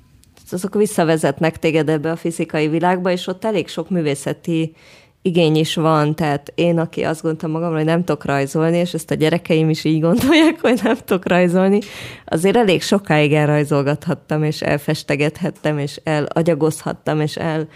Tehát, hogy, hogy olyan, ö, olyan helyre visz téged vissza a, a gyerek, ahol az értelmes dolgok, tehát azért mész el megvenni a répát, hogy utána felszeleteld, és legyen belőle leves és akkor azt megegyed, és akkor ez az egész kör, ez egy ilyen értelmes dolognak tűnik, mert van egy eleje, egy jól határozott eleje, meg egy vége, és, Meg egy célja. és van egy jó, tiszta célja, és valahogy az egész, tehát azt hiszem, hogy onnantól kezdve kezdenek ezek a meetingek, meg nem tudom, mik olyan tehát azt, amin egy másfél órás meetingen agyalunk tényleg, hogy most ezt hogy fogjuk megoldani, az körülbelül kettő perc alatt, ha szabadna megoldani, akkor meg lehetne, mert, mert ha nem kéne kitölteni ezt a másfél órás meetinget, amire mindenki fölöltözik, fölkészül, elolvassa, és akkor okosakat, Prezentáció. prezentációt készít, és ott okosakat mond, hogy ezeket a dolgokat mm, rövidebben is. És most mondjuk a Covid kapcsán, az tök érdekes nekem, hogy,